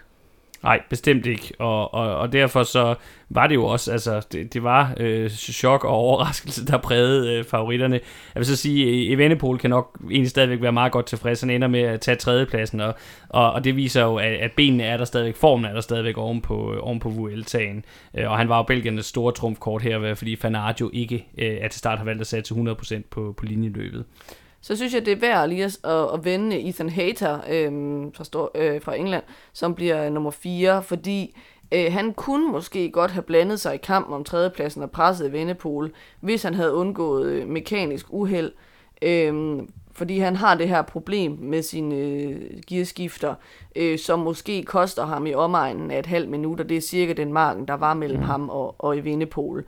Øhm, og han har da også i den grad været ude og sige nogle ikke så pæne ting om den Shimano-skifter bagefter. det har jeg ikke været så glad for. Ja. Øhm, så øh, Magnus Sheffield øhm, lavede sådan lidt øh, upåagtet 17. plads, øhm, men han lå faktisk til en toptid, inden han så styrtede. Øhm, så det var jo vildt uheldigt for ham, øhm, men viser, at han også er en af de her pure unge ryttere, vi kan regne med, øh, vil blande sig i den her disciplin fremadrettet. Øhm, så min pointe med det er egentlig, at når man kigger ned over øh, top 10, så må vi sige, at også inden for enkeltstart, øh, der er der en masse unge ryttere, som er på vej frem. Øhm, og Ethan Haters øh, lillebror, Leo Hater, øh, blev faktisk nummer 3 i U23-udgaven af enkeltstart.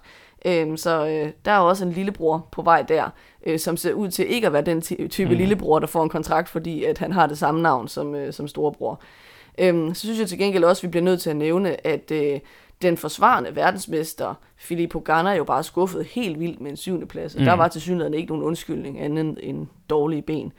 Øhm, Pogacar bliver nummer 6, han blev nummer 10, mener jeg, sidste år.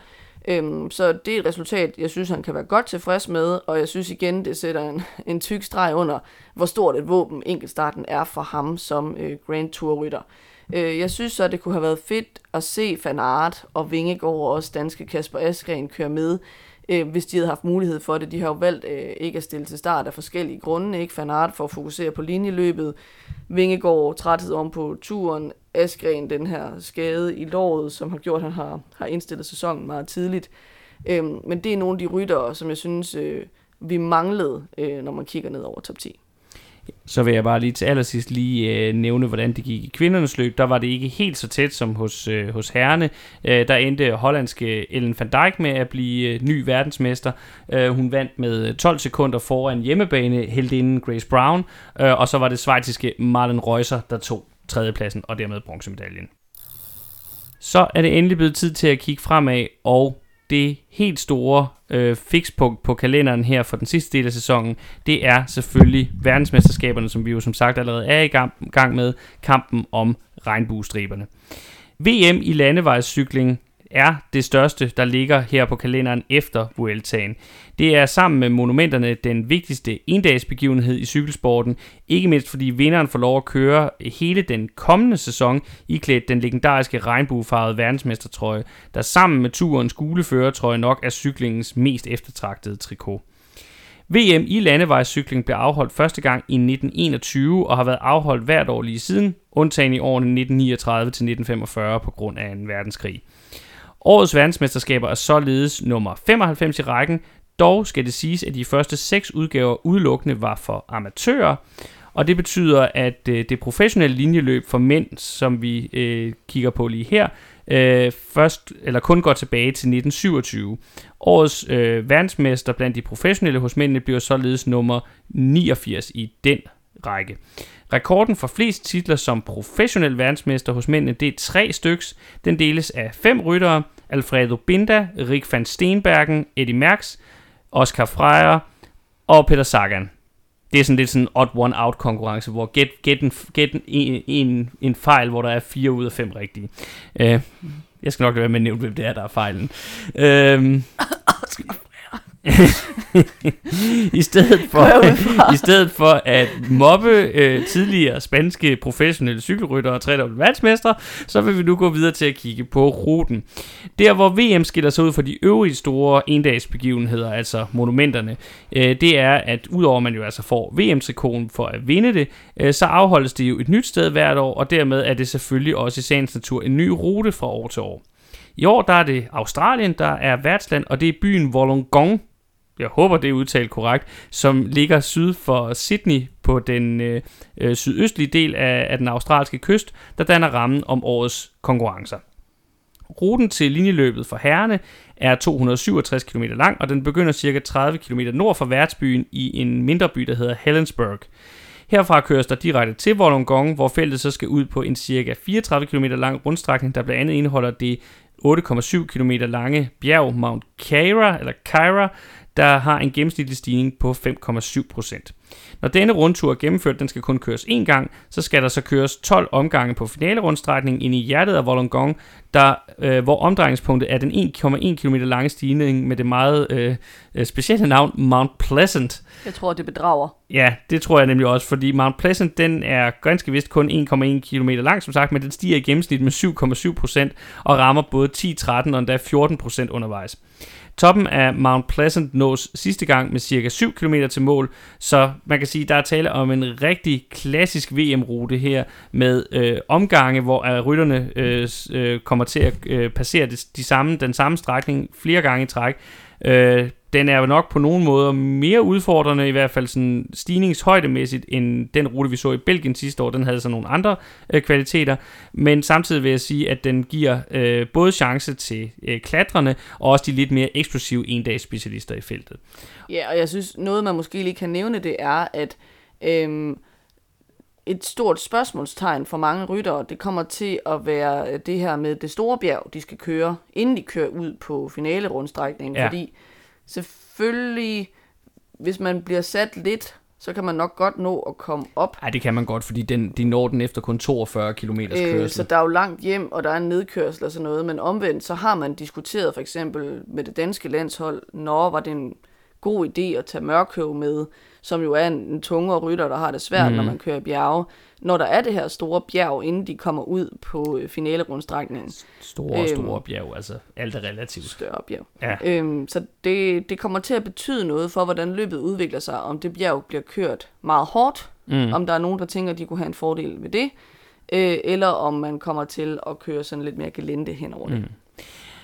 Jeg tænker, vi egentlig bare skal kaste os direkte ud i at snakke om, hvem der er favoritter til at bære øh, regnbuetrøjen i den kommende sæson. Og vi, Vi har har, ligesom... jo ligesom allerede talt en lille smule øh, om det, ikke? Altså Ja. fordi, jeg synes ikke, der er nogen tvivl om, at de to allerstørste favoritter, man kan pege på, det er Tadej Pogacar og Wout van Aert.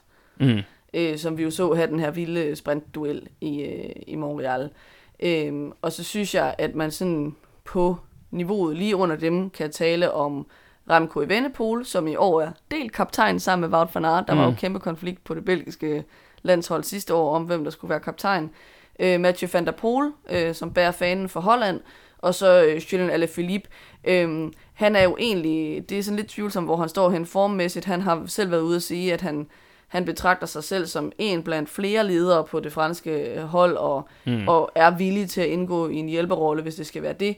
Men jeg synes bare alligevel, han er så god til at køre VM, at man ikke rigtig kan, kan øh, tælle ham fra favoritlisten. Så det, det er de fem, jeg vil pege på som de helt store favoritter.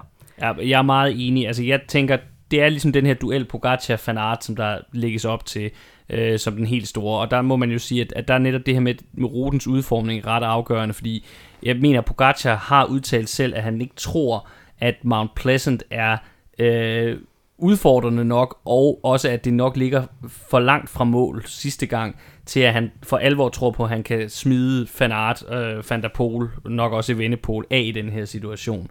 Øh, men, øh, men han beviste jo i Montreal, at han godt kan udfordre Fanart i en spurt også, øh, og man må sige, vi ved jo, at de to, og så Evenepoel kommer i god form. Det er lidt mere et spørgsmålstegn med, med Van der Poel og, og Alaphilippe.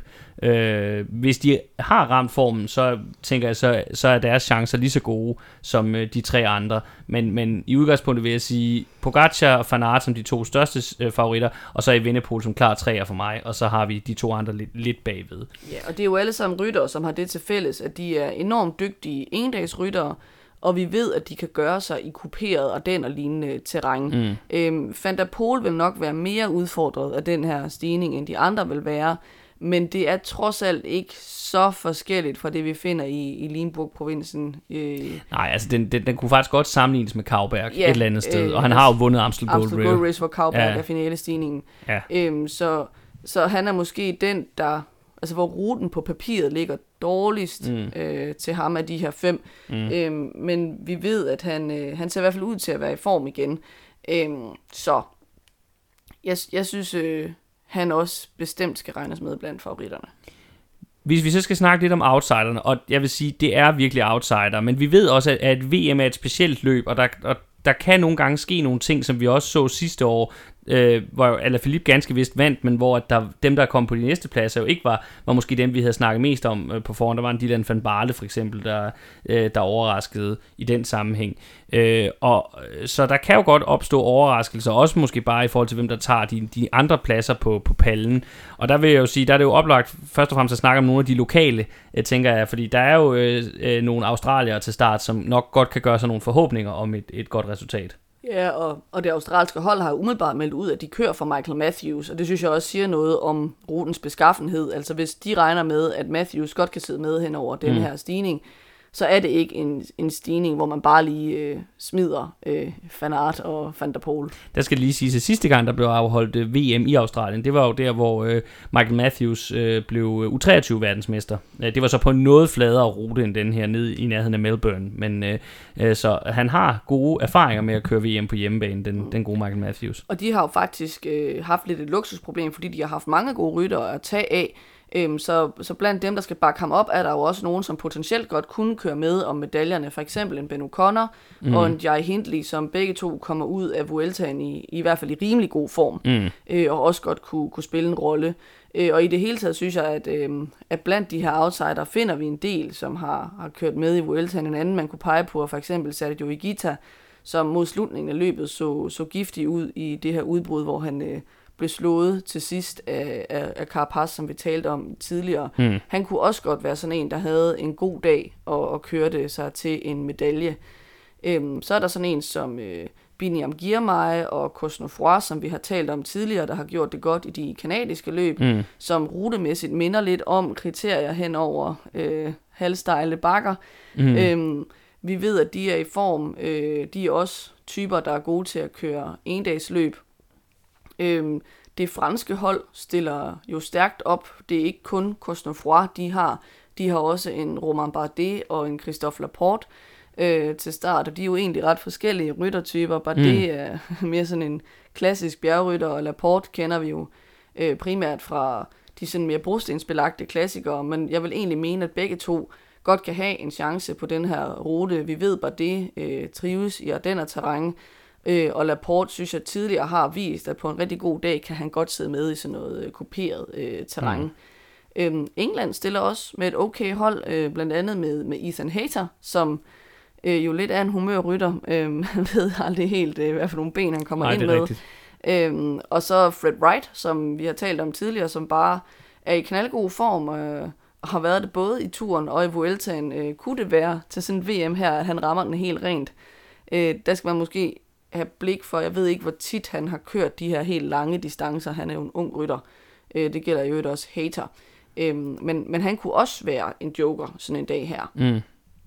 Øh, de sidste, jeg har skrevet på, det er Almeida, øh, fordi han er i god form. Det skal så siges, at han mangler måske eksplosiviteten. Han vinder i hvert fald ikke en spurt, øh, øh, hvis han kommer hjem med, med Van Aert og Pogacar for eksempel. Mm. Øh, men så, så skulle det være, hvis han kørte væk i et angreb langt udefra. Ja. Øh, så synes jeg, at Soler kom øh, virkelig godt ud af øh, Vueltaen. Han vandt en etape undervejs og var tæt på øh, flere andre gange. Øhm, og så må man ikke afskrive Peter Sagan. Øh, det er længe siden, vi har set Peter Sagan øh, være på mm. toppen. Øh, han har været langt fra den rytter, han var, da han vandt tre VM i streg. Men øh, her den anden dag, hvis ikke det var i dag, var han ude at sige, at øh, ja, det kan da godt være, at jeg tager min fjerde VM-titel og trækker mig tilbage og bliver pensioneret, selvom jeg har trøjen. øhm, sådan lidt nonchalant øh, tilgang. Det var Mario Øhm, Cipollini også lige ved at gøre i sin tid. Så... Jeg tror faktisk, jeg tror, du har han kørt sæsonen, mener jeg. Jeg tror, sandsynligheden er lille, men man skal ikke afskrive ham. Jeg tænker det er jo selvfølgelig også, øh, nu, nu prøver vi jo lidt det der med ikke, ikke at have så meget klaphat på altid her i programmet, men jeg tænker det også lige giver mening lige at gennemgå det danske hold, der stiller til start. Vi har jo øh, mulighed for at stille med otte ryttere øh, til det her verdensmesterskab, og man kan sige, der er ligesom en opdeling, hvor der er to kaptajner, to sådan sekundære kaptajner, løjtnanter, og så er der fire klare hjælperyttere. Ja, og jeg vil gerne tale om den første kaptajn. Det er fair nok. Øh, Mathias Skelmose. Jeg synes virkelig, han er en spændende ung dansk rytter, øh, øh, som måske har sådan lidt mere gradvis udviklingskurve, men virkelig har taget øh, store skridt fremad i år, og især øh, her i efteråret, eller efter Tour de France. Øh, han har kørt øh, fem etabeløb, mindre etabeløb, øh, hen over her, altså siden august og frem til nu. Øh, eller måske et af dem allerede var under turen. Nå, mm. i hvert fald ud af de seneste fem ugetabeløb, øh, eller tæt på hele ugetabeløb, han har mm. kørt, der er han kommet på podiet i de fire af dem, og han lå rigtig godt i Deutschland Tour, hvor han så måtte udgå med et skadet knæ. Der tror jeg også godt, han kunne have kørt på podiet. Mm. Øhm, øh, han har lige vundet øh, Luxembourg rundt øh, her tidligere i september, øh, og har vist, at han både kører øh, knaldgodt på enkeltstarten, han er dygtig til at køre sidevind, han er god til at køre opad, han er i kanon øh, god form, og jeg synes klart, han må være Danmarks bedste kort med det hold, vi, øh, vi stiller til start med. Det eneste issue, der er, det er, at han aldrig har kørt så langt før, Mm. var han ude at sige her den anden dag. Altså det bliver første gang, i hvert fald i løbssammenhæng, at han sætter sig op på en cykel og kører 270 km i streg. Øhm, og det kan jo godt betyde noget, at man simpelthen bare øh, kører øh, tør Ja. ja. til sidst. En, der til gengæld har erfaring med at køre de her lange løb, det er jo vores anden sådan, primære kaptajn, som er Jakob Fuglsang. Øh, jeg vil så sige, at i de kanadiske løb, der så det lidt ud, som om han måske lige mangler det sidste af formen på nuværende tidspunkt. Men der er jo også gået noget tid, øh, lige et, et, øh, et, et, par ugers tid siden da. Øh, og nu øh, så kan man jo håbe, at han har, har nået at træne sig til det sidste. Øh, altså han kan virkelig det her med at køre over, over øh, så mange kilometer. Det så vi jo blandt andet, da han vandt øh, Lombardiet rundt, og han er jo også lige Baston Lies for nogle år siden. Det har jo selvfølgelig ikke helt været hans sæson, øh, specielt når man tænker tilbage på hans, øh, hans skuffelse i, i turen øh, med det, han ellers var kommet efter der. Men, øh, men man skal ikke afskrive ham. Han, han kan det her med at køre langt, og øh, altså, der kunne det godt være, at han lige har et, et sidste skud i bøssen. Vi ved jo, at udover det her med den gule trøje og turen, som aldrig, mm, nu kan vi nok godt sige, nu aldrig bliver til noget, så er det her med, med verdensmesterskab, det er også noget af det, som Jakob Fuglsang altid har drømt om, som noget af det helt store. Så måske er der et, et, et, et, et at det er måske hårdt at sige et sidste skud i bøssen, men måske er der er der en, en chance her. Det er i hvert fald nok, øh, også når man tænker på de næste par ruter, så der ligger øh, de kommende VM, øh, hvor de skal holdes, så tror jeg, det er, er her, han har sin, øh, sin bedste chance. Også hans alder taget betragtning. Så har vi de, dem, vi har kaldt de to øh, løjtnanter, øh, Mikkel Honoré og, og Magnus Kort. Øh, jeg kunne godt sådan være lidt i tvivl om ruten er for hård til dem, men jeg tror det ikke. Især ikke øh, til Honoré. Han er lige blevet nummer 6 og, og 11 i de to øh, kanadiske løb, så han ligner i hvert fald en mand, Mm. der er i form og klar til at skulle ud og køre noget øh, kuperet terræn. Øhm, så, så han er den der type af rytter, der godt kunne være sådan en overraskelse i top 10, synes Ja. jeg, øh, til sådan et VM der, hvis alt øh, flasker sig. Og så tror jeg bare, at sæsonen i år har bevist, at kort ham skal vi aldrig afskrive. Og så har vi jo øh, Charmi, Kamp, Mørkøv og Bjerg, som øh, dem vi nok vil betragte som øh, hjælperyttere. Mm. Øhm, en sidste ting, jeg gerne vil vende med det her VM, det er de ryttere, der ligesom glimrer ved deres fravær, fordi øh, det er selvfølgelig nogle kæmpe store stjerner, dem vi, øh, vi har øh, talt om øh, som favoritter. Øhm, og man kan sige, der mangler jo ikke øh, topnavne til Ej, det her VM. Det gør der ikke. Der er øh, måske, kan man sige, lidt et fravær af de helt store sprinternavne, fordi ruten bare overhovedet ikke ligger til dem, men ellers så, så er der virkelig øh, mm. parade over det her øh, VM, og det viser også noget om, hvor vigtigt det er øh, for rytterne. Det er meget prestigefuldt at køre VM, men der er alligevel nogen, synes jeg, man godt kan sige, de mangler, øh, som af den ene eller den anden grund øh, ikke stiller til start. Den første, det måske især som dansker er oplagt at pege på, det er selvfølgelig Jonas Vingegaard øh, som ret hurtigt var ude at sige, at han stod ikke til rådighed øh, for landsholdet, øh, fordi at han er, er hviler ud oven på sin Tour de France sejr. Der vil jeg godt lige indskyde. Det kan godt være, det er det, der er den formelle undskyldning, men han, øh, altså, han kører Kroatien rundt lige nu, og det er også, hvad hans hold har meldt ud, det er for at gøre ham klar til Lombardiet rundt. Så altså det der med træthed, ja ja, men altså han skal køre Lombardiet rundt om et par uger, det... Jeg ved ikke helt, om jeg tror på, den holder, men øh, så er det sagt. Han er i hvert fald ikke til start. Nej. Øh, det er Mads Pedersen heller ikke. Han har valgt at sige, at han skal have noget pause ovenpå øh, en flot Vuelta. Det synes jeg godt, man kan ærge sig over, fordi sådan som han så ud de dage, Mm. hvor han kørte udbrud i bjergene, der vil jeg ikke udelukke, at han godt på en god dag kunne gøre sig Nej, på sådan en rute helt- her. helt afgjort. Lidt ligesom at Michael Matthews kan forventes at gøre det. Mm. Så er der Roglic, øh, som mangler på det slovenske hold. Øh, det går jeg ud fra, at på grund af, af efterværende fra det styrt, han havde øh, i Vueltaen. Mm. Øhm, hans landsmand, øh, Mohoric, er der heller ikke til at bakke op om øh, Pogacar. Øh, han er, er blevet ramt af kyssesyge efter Tour de France, og det er sådan en sygdom, øh, det kan være svært for sportsfolk at komme sig over, fordi at man skal øh, hvile fuldstændig og sørge for, at den er helt slået ned, før mm. man Mm. går i gang med at træne igen. Så han er heller ikke øh, til start. Øhm, så er der en hel masse gode spaniere, der ikke er til start. Det drejer sig om Enric Mas og Juan Ayuso og Carlos Rodriguez Cano og Alejandro Valverde og Alex Aramburu øh, og Pelo Bilbao. Øhm, og noget af det her, det skyldes kampen om nedrykning, i hvert fald for dem, der øh, kører for Movistar, altså Aramburu, Valverde, Mas, fordi at de har brug for, at deres ryttere prioriterer at køre point hjem til øh, kampen om at Mm. undgå at rykke ned. Øhm, Ayuso var på et tidspunkt meldt ud som potentiel kaptajn, og så tror jeg måske alligevel holdet synes, at det var for tidligt over på sådan en Vuelta, mm. når han er så ung.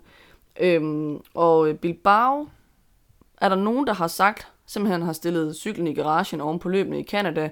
Omvendt så står han også på startlisten stadigvæk til Lombardiet rundt, så det ja, er men sådan det er lidt... sådan nogle meget, meget tidlige startlister Ja. med rigtig mange navne, så vi kan ikke bruge dem til så frygtelig meget lige nu. Hvorfor Kano ikke er til start, det ved jeg simpelthen ikke. Men øh, i hvert fald stiller Spanierne med et meget tyndt hold, og det har landstræneren også givet udtryk for, at han er rimelig utilfreds med.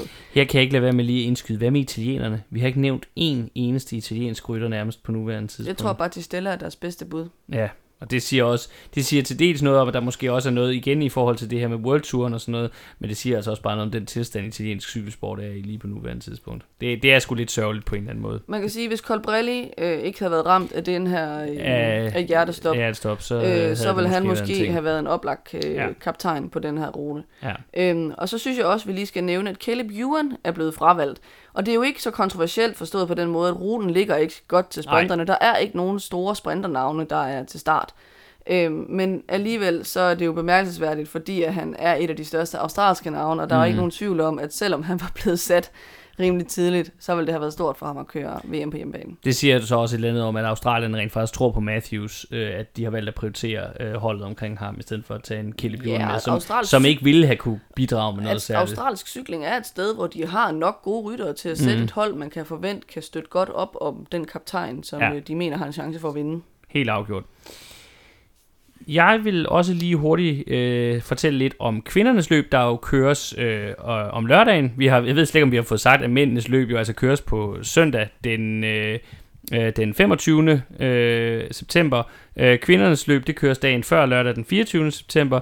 Det er på samme rute som mændenes. Den er dog kun 164 km lang i kvindernes udgave, og det er simpelthen bare fordi finalerundstrækningen øh, på de her øh, cirka 17 km kun skal køres 6 gange hos kvinderne, hvor mændene altså kører den 12 gange. Hvis vi lige hurtigt skal løbe favoritterne igennem der hos kvinderne, så vil jeg sige, at Holland er selvfølgelig øh, som sædvanligt nærmest den helt store nation. Det skal dog lige siges, at de jo desværre her under VM er blevet ramt af et, et, meget, meget trist afbud, og det er jo øh, deres helt store navn, Annemiek van Fløjten, der under dagens, øh, her i dag, hvor vi optager, øh, øh, mix øh, holdløb, altså hvor øh, det er mænd og kvinder, der kører øh, på skift, øh, Øh, har været involveret i et styrt, og derfor har brækket albuen, så hun kommer altså ikke til start øh, i øh, lørdagens øh, linjeløb, desværre. Holland har dog stadig flere gode bud. Det mest oplagte, sådan som ruten er, er jo nok Demi Follering, øh, der jo netop lige er blevet nummer 3 i kvindernes Vuelta. Øh, jeg vil heller ikke afskrive Marianne Foss, altså øh, finale, eller stigningen på finalerundstrækningen Mount Pleasant, er nok inden for rammerne af, hvad hun godt kan klare. Øh, så hvis det ender med en, en lidt større gruppe, der skal spurgte om det, der kunne man godt forestille sig, at Foss stadigvæk sidder der. Øh, og så, øh, så skal hun jo, også sådan som hun har kørt i år, specielt bestemt regnes med. Italienerne kommer også med flere gode bud. Øh, Longo Borghini, der lige er blevet to år i kvindernes Vuelta, er nok det stærkeste navn. Ellers så kunne man måske øh, kigge lidt efter øh, overraskelsen for turen, øh, Persico, øh, som også er til starter, som vandt en etape i kvindernes Vuelta. Jeg tror, at ruten er for hård for den forsvarende verdensmester på kvindesiden, Elisa Balsamo. Hun er med, men øh, og er jo hurtig, hvis det ender i en større øh, spurt. Men, øh, og hun, jeg tror egentlig også, formen er okay. Hun vandt også en etape i kvindernes Vuelta. Men igen, nok lige en tand for hård øh, for hende, kunne jeg forestille mig. Så er der jo øh, Kasia Nivedoma fra Polen og Juliette Labou fra Frankrig. Igen, de kørte ikke så godt i Spanien, så spørgsmålet er, hvor god formen er, men der, det kan jo have noget at være kommet. En favorit til en lidt mere samlet afslutning kunne også være belgiske Lotte Kopecky, der er kaptajn for, for deres landshold. Øh, så er der jo Marvi Garcia, der også har vundet en stor øh, sejr på kvindernes World Tour for nylig. Og så synes jeg, vi skal nævne vores egen Cecilie Utrup. Øh, selvfølgelig, hun er, er den øh, af de fire danske rytter, der er til start. Der er den klare kaptajn Emma Norsgaard øh, er også med. Men igen tænker jeg, at ruten er for hård til, at hun for alvor kan, kan have en chance. Så det er Cecilie, vi skal, vi skal hæppe på, hvis vi skal have en, en dansk verdensmester på kvindesiden. Det ville jo være fantastisk, selvom hun nok ikke er den største favorit. Så tænker jeg, at det er øh, på tide, at vi kommer videre i konkurrencen om øh, en verdensmester. Skal vi, skal vi komme med et bud på kvindernes løb også, eller skal vi bare nøjes med, med, med herrenes? Hvis vi skal holde øh, den måde, konkurrencen har fungeret på resten af sæsonen, så skal vi nøjes med herrenes. Okay, så gør vi det, øh, øh, og, og nøjes med øh, indtil videre stadigvæk at kun at komme med vinderbud til herrenes. Så lad mig starte med at høre, hvem træner du med som verdensmester 2022? Jeg tror i år er året for Tadej Pogacar, og jeg synes, det vil være en meget flot måde at ligesom tage revanche fra Tour de France nederlaget andenpladsen øh, på. Øhm, og så vil jeg være lidt kedelig at sige Van Aert og Evenepoel som 2 og 3. Jeg tror, det er nok urealistisk, Mm. at, at det vil ske, fordi de kører for samme hold. Begge er belgier. Øhm, men så har jeg ligesom helgarderet mm. i forhold til at kunne score nogle point. Ah, vi, vi gætter jo kun på, øh, det, vi gætter jo kun på vinderen. Øh, det er det, vi også har gjort i de andre løb. I løbet kun sæsonen. på vinder? Så, Ja. så gætter jeg Pogacar. Super. Jamen, så er jeg lidt, gør jeg det lidt kedeligt her, og så siger jeg øh, Wout van Aert. Lørdag den 8. oktober afsluttes World Touren med årets femte og sidste monument. Det er selvfølgelig den italienske efterårsklassiker Lombardiet rundt, der er tale om. Det kaldes også meget passende det faldende løvs løb på grund af dets placering i efteråret og som sæsonens sidste rigtig store endagsløb. Det er her, vi tager afsked med de fleste af toprytterne i cykelfeltet for i år og siger på gensyn i den sæson, der venter på den anden side af årsskiftet. På trods af dets monumentstatus, så har det i perioder været lidt omtalt som det glemte monument, og det har nok især handlet om netop placeringen her i slutningen af kalenderen, hvor næsten alle de andre store klassikere jo er placeret i foråret. Og det er lidt synd at kalde det det glemte monument, for det er ofte et af sæsonens mest underholdende løb, og selvom det måske ikke øh, helt kan udfordre Paris-Roubaix og Flandern rundt i forhold til spændingsniveau, så kan det altså sagtens være med i forhold til for eksempel Liège-Bastogne-Liège, og i den grad det andet italienske monument, Milano Sanremo. Det er det tredje ældste af monumenterne og blev kørt første gang i 1905. Siden er det blevet aflyst kun to gange. Det var under 2. verdenskrig og kun i 1943 og 1944. Det siger altså noget om, hvor, hvor vilde man er med at køre cykelløb visse steder i verden, at det selv ikke krig kan nærmest få det, få det aflyst. Øh, og det betyder altså, at årets udgave bliver nummer 116. Rekorden for flest sejre i løbet af 5, og den indhæves af Italiens nok mest ikoniske cykelrytter nogensinde, Fausto Coppi. Han vandt løbet fire gange i træk fra 1946 til 1949, og så snuppede han også lige 1954-udgaven. Løbsarrangøren, det er Giro-organisatorerne fra RCS, som jo står bag de fleste af de store italienske løb, både en-dags og etabløb. Hvis vi skal kigge lidt på ruten, så må vi jo starte med at sige, at øh, vi ikke ved ret meget om den på nuværende tidspunkt. For noget af det, der adskiller Lombardiet rundt fra de øvrige monumenter, det er, at øh, ruten har været meget omskiftelig igennem tiden. Øhm, faktisk så ja, ændrer den sig typisk øh, lidt eller meget fra år til år. Øh, og igen, altså, der er ikke noget officielt meldt ud endnu. Vi har muligvis set, at den i år er vendt rundt i forhold til sidste år, sådan så at hvor den sidste år øh, startede i Como og sluttede i Bergamo, så bliver det omvendt i år, men det er ikke 100% bekræftet. Hvis vi sådan kigger i nyere tid, så øh, har der været nogle sådan rimelig faste fikspunkter, i hvert fald siden midten af 90'erne.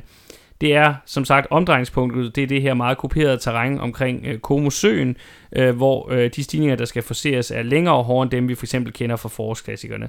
Og øh, Lombardiet rundt er således det tætteste, vi kommer på et decideret bjergløb blandt monumenterne.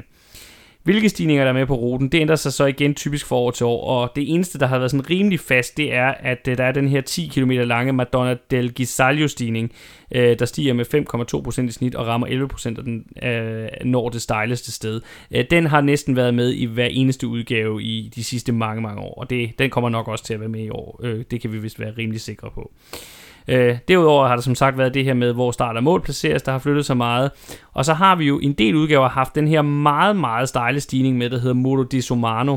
Øh, den har været et meget, meget interessant element. Det er noget af det stejleste, vi har øh, på, på World Touren overhovedet, øh, den her stigning.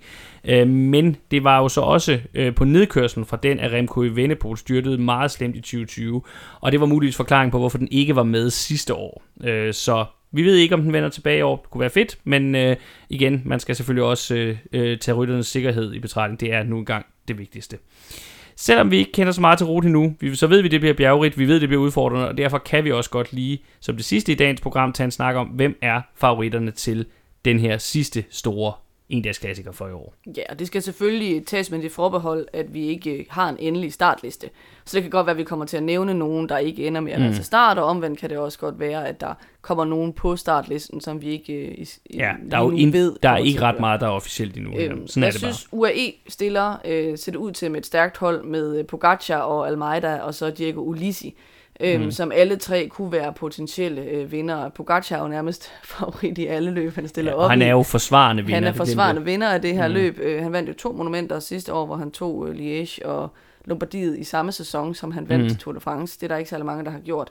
Øhm, Almeida ved vi er i form. Ulisi plejer at køre rigtig godt i de her italienske efterårsklassikere, også de lidt mindre af dem, som for eksempel Giro dell'Emilia. Øhm, så de øh, kan spilles ud på skift, og er alle sammen øh, potentielle vindere, som sagt. Øhm, Jumbo øh, stiller også op med øh, et stærkt hold. Vi ved, at øh, Jonas Vingegaard skal køre det her løb som sådan sit store efterårsløb oven på tursejren. Så må vi jo nok også tage Tobias Foss med i betragtning. Ja, oven hans på øh, hans øh, verdensmesterskab VM-sejr. i Det- Der er enkeltstart. selvfølgelig forskel på at vinde en enkeltstart og, og så sådan et bjergrigt øhm, endagsløb, men han plejer jo at, at være dygtig nok til at køre bjerge. Øhm, Van Aert vil jeg heller ikke afskrive på sådan en rute her. Øhm, den kan godt være til den hårde side, men øh, vi har jo set ham vinde øh, store bjergetapper også i Tour de France, så øh, Mm. det kan man sagtens forestille sig. Og så hvis Roglic når at blive klar oven på sit styr, så vil han også øh, skulle tælles blandt favoritterne, synes jeg. Ja, det skal lige sige, at vi jo for eksempel ikke ved heller, om en fanart kommer til start. Det kan godt være, at oven på, på VM, så siger han, at øh, især måske da, Altså der vil jeg sige, det kan nok godt lidt afhænge af, hvordan VM kommer til at gå. Altså bliver han verdensmester, det har man nemlig også set før, så vil verdensmesteren rigtig gerne vise øh, regnbuestriberne frem i Lombardiet. Det, det har man set flere gange, og det er jo, altså, det er jo et løb, når man tænker på, hvor alsidig han er. Altså det kan han, det, han kan godt vinde det. Øh, men, men hvis han nu igen ender med skuffelse, sådan som det også gjorde øh, sidste år, øh, så, så har, tror jeg måske, jeg har lidt svært ved at se ham øh, møde op øh, nede ved, ved Komosøen. Men øh, skal ikke udelukkes i hvert fald. Hvis vi går videre til sådan et hold som Ineos, øh, så har de også et par, et par gode vinderbud. Øh, det kunne være for eksempel Adam Yates, øh, som jo godt nok lige har meldt ud, at han jo skifter til UAE efter sæsonen, men det kunne godt være en, en, en afslutning, en flot afslutning på en ellers ikke helt så vellykket Ineos karriere for ham, hvis han lige kunne tage en monumentsejr her øh, i sit sidste løb, bliver det jo nok for Ineos. Ellers så tænker jeg, at deres bedste kort nok er Dani Martinez, som jo også har noget af den her eksplosivitet, der, der er rigtig vigtig i sådan et løb som det. Især hvis Muro Di Somano er med øh, på ruten, så, så kunne det være en, en rigtig stor fordel at have ham øh, med helt fremme. Michael Kwiatkowski er også på den forløbige startliste, og han er jo den her enormt alsidige endagsrytter, og han har jo også haft nogle gode resultater i år. Det skal dog siges, at han jo har været lidt ukampdygtig her i efteråret. Der har været noget sidesår, tror jeg, og, og lidt forskelligt, der har... Han har været øh, ramt af så mange ting i år, Ja. ja. med sygdom og skader, at det har virkelig været et år til glemmebogen alt overvejende for ham. Ah, han vandt altså Amstel Gold Race. Han har jo netop Ja. faktisk fået nogle sejre i år. Jeg synes, Men det, det, det synes jeg er en selv- hård dom. Han har selv været ude og sige, at det virkelig har været en meget sæson. Det er måske fordi, at, øh, at den sejr begynder at virke lidt langt væk, Ja, når det- man det tænker har jeg. så meget med... Øh, Jeg synes, vi sad og snakkede om i foråret, at Kwiatkowski rent faktisk havde haft en comeback-sæson i år. Så det, det, det, det, det tror jeg er, fordi der er nogen, der har lidt for meget fokus på, hvad der skete det sidste stykke tid. Han har den ene sejr. Ja. Ellers har det været et år til glemmebogen. Ja. Okay, men en klassikersejr kan næsten redde en hel sæson, vil jeg sige. Det, er der, det taler man i hvert fald om indimellem. Så er der Quickstep. Øhm, der kunne man jo godt forestille sig både en Alaphilippe og en Evenepoel blande sig i sådan et løb her. Evenepoel står ikke på startlisten lige nu. Øhm, Alaphilippe, det afhænger måske også lidt af, hvordan det går med, øh, med VM. Quickstep er faktisk et af de hold, der har den korteste startliste indtil, indtil videre. Det, det kunne næsten godt se ud, som om de faktisk har udtaget holdet, når man går ind og kigger på, hvordan det ser ud. Men altså ja. rytter som Ilan van Wilder eller Van Sevenant kunne i princippet også køre godt for, for Quickstep, hvis de to her ikke kommer til start. Øhm, Borerholdet øh, kunne også godt kandidere til en sejr, for eksempel med en, øh, en Vlasov, øh, som jo, jeg går ud fra, at grunden til, at han ikke kører VM, er fordi, at øh, russiske atleter ligesom er... Øh, Han har jo ikke noget land, han kan Ja. stille op for. Han er jo officielt neutral atlet, når Neutral, han stiller ja. til start, så det, det er derfor, ja. Øh, og så øh, Sergio Igita øh, kører jo også for Bora, og kunne også være øh, i princippet en rytter, der kunne vinde det her løb. Øh, Astana kommer lidt med nogle jokere. Lopez er nok deres bedste bud. De har også en aldrende Vincenzo Nibali, der tidligere har vundet løbet to gange. Ja, Øh. han er faktisk den rytter i feltet, øh, aktiv rytter i feltet. Øh, den ene af to aktive rytter i feltet, der har vundet det her løb mere end en gang. Den anden er Philippe Gilbert, som ikke er til start. øh, han, han har jo... Og er endnu mere aldrende. Ja, og, og har, han holder kører sådan et eller andet, han har meldt ud, at der kommer sådan et eller andet uh, Phil's Last Ride, uh, som jeg tror, han kører også her i starten af oktober, som er sådan et, et, et uformelt gadeløb, og så, uh, og så er det slut. Så han er ikke til start. De har også Battistella, som jo har vist fin Mm. form i, i Vuelta, indtil han udgik med covid. Mm. Øh, Movistar kommer for at skrabe flere point sammen til øh, den her kamp om at undgå at rykke ned. De ligger så rimelig lunt i svinget oven oven på, på Vueltaen. Hvor de jo fik Massa Mm. ind på andenpladsen, og Valverde også kørte i top 15, som vi havde snakket om, øh, kunne Mm. være en mulighed. Men øh, Massa Valverde ser ud til at være til start. Øh, Groupama FDJ øh, kommer med øh, Thibaut Pinot og David Gody, ser det ud til lige nu. De kunne også være bud på en sejr. Trek kommer med en skarp trio i form af tidligere vinder Bauke Mollema, øh, danske Mathias Gjelmose og øh, Chikone, i hvert fald hvis, øh, altså de har en meget lang Mhm. startliste, mm. men de vil nok være deres bedste øh, kort på hånden. Øh, DSM øh, stiller med øh, Roman Bardet, ser det ud til, og Timon Arnsmann, som jo bare var flyvende i Vueltaen. Og så Israel må jo virkelig Som virkelig skal samle point sammen bare også. altså, sætte alt ind på og prøve at samle nogle point sammen i sådan et desperat forsøg på at undgå at rykke ned. Øh, så Fuglsang, Woods, Toynes, øh, som de jo har hentet over i et forsøg netop på at samle flere point sammen på sådan Mm. mm. en mid-season transfer. Øh, jeg tror ikke på, at de kan nå at indhente de efterhånden ret langt bagud, men må Mm. ikke de prøve at skyde med alle tre af skal, der kan vi lige, øh, skal vi lige hurtigt vende, øh, hvad, hvad øh, bagmanden bag Israel Premier Tech, yes, Silvan Adams, han har, han har jo virkelig været i vælten omkring det her system, efter det ligesom gik op for ham. Det virker som om, det var sådan lidt, det lige pludselig gik op for ham, at der rent faktisk var en risiko for, at hans hold kunne miste øh, World Tour licensen. Så har han været ude og tro med, med både sagsøgning af, af UCI og øh, øh, krav om, de skal udvide med, med to licenser mere, så der ikke er nogen, der rykker ned, og har også været ude at svine ASO, altså turarrangøren, helt vildt, og troet med at lave sit eget Tour de France. Og, ja, tror du, det er noget, vi skal tage seriøst noget af det her, eller det er bare en, en desperat mand, der, er- der er frustreret? Det synes jeg er meget svært at vurdere. Jeg kunne da godt forestille mig et sagsanlæg. Øhm, et, øh, at han med succes skulle kunne starte sit eget Tour de France, synes jeg virker mere tvivlsomt. Ja, det, det, det tænker jeg også. Så vil jeg bare lige sige, at jeg jo altså tænker, at, at hvis man ikke har andre argumenter for at se det her løb, jeg synes jo, at, at bare det potentielle startfelt og ruten i sig selv er et argument, men så synes jeg, man skal overveje at sætte sig og se det her løb, for ligesom at tage afsked med øh, Alejandro Valverde og Vincenzo Nibali. Det bliver deres sidste store løb på, på topplan. Øh, Valverde har jo ikke vundet Lombardiet, det er et af de store øh, løb, han mangler øh, i samlingen, så ikke at jeg tror, at han får det den her gang, men altså, der, er bare, der bliver bare et, andet- det bliver sgu lidt vemodigt at skulle sige farvel til de to øh, herlige cykelrytter, der har givet os så mange øh, gode, resultat, gode oplevelser, store resultater i løbet af årene, og ja, øh, det kan godt være, at vi også tænker på et senere tidspunkt, vi skal jo også lave et program, hvor vi samler op på sæsonen, hvor at, øh, at det nok også kommer til at fylde lidt, øh, og så kan det også være, at vi skal sige yderligere, sige yderligere farvel til dem på et senere tidspunkt. Det, det kan være, at vi kommer tilbage til det. Men øh, fra nu, så tænker jeg, at vi bare lige skal prøve at komme med et, øh, et vinderbud hver til Lombardiet rundt, og det er jo svært, når vi ikke engang ved, hvor meget den her startliste, der rent faktisk holder. Men øh, lad os øh, give det et skud hver, og så se, hvor, hvor det ender henne. Jamen, nu tog jeg en, en kedelig kandidat, kan man sige, til VM, øh, så nu vil jeg komme med et lidt øh, mere, øh, øh, kan man sige, løsskud. Frisk bud. Øh, jeg siger Timen Arnsmann. Åh, oh, sejt. Det, det synes jeg virkelig er frisk. Så vælger jeg at, at komme, også synes jeg med et lidt frisk bud, når man tænker på hans track record med endagsløb. Så jeg går, jeg går full blown klaphat og siger Jonas Vingegaard. Cykelsæsonen 2022 lakker mod enden, og vi nærmer os roligt, men sikkert tidspunktet, hvor vi skal sige tak for i år til verdens bedste ryttere på to hjul. De fleste ser vi igen i 2023, men som vi også lige har nævnt, så er der nogle store profiler, som vi skal sige endegyldigt farvel til. Inden vi når så langt, så vil vi dog tillade os at glæde os over de sidste spændende tvikampe på landevejene, som vi har til gode. Som sagt herunder især VM og Lombardiet, som vi har forberedt os til i dette program. Vi håber, at du nu også føler dig godt klædt på til sæsonens afslutning, og hvis du synes om det, vi laver, så må du som sagt tidligere gerne anbefale os til andre cykelsportsinteresserede. Det kan du blandt andet gøre ved hjælp af en femstjernet anmeldelse i den podcasttjeneste, du benytter dig af, så kan det være, at vi kommer ud til endnu flere.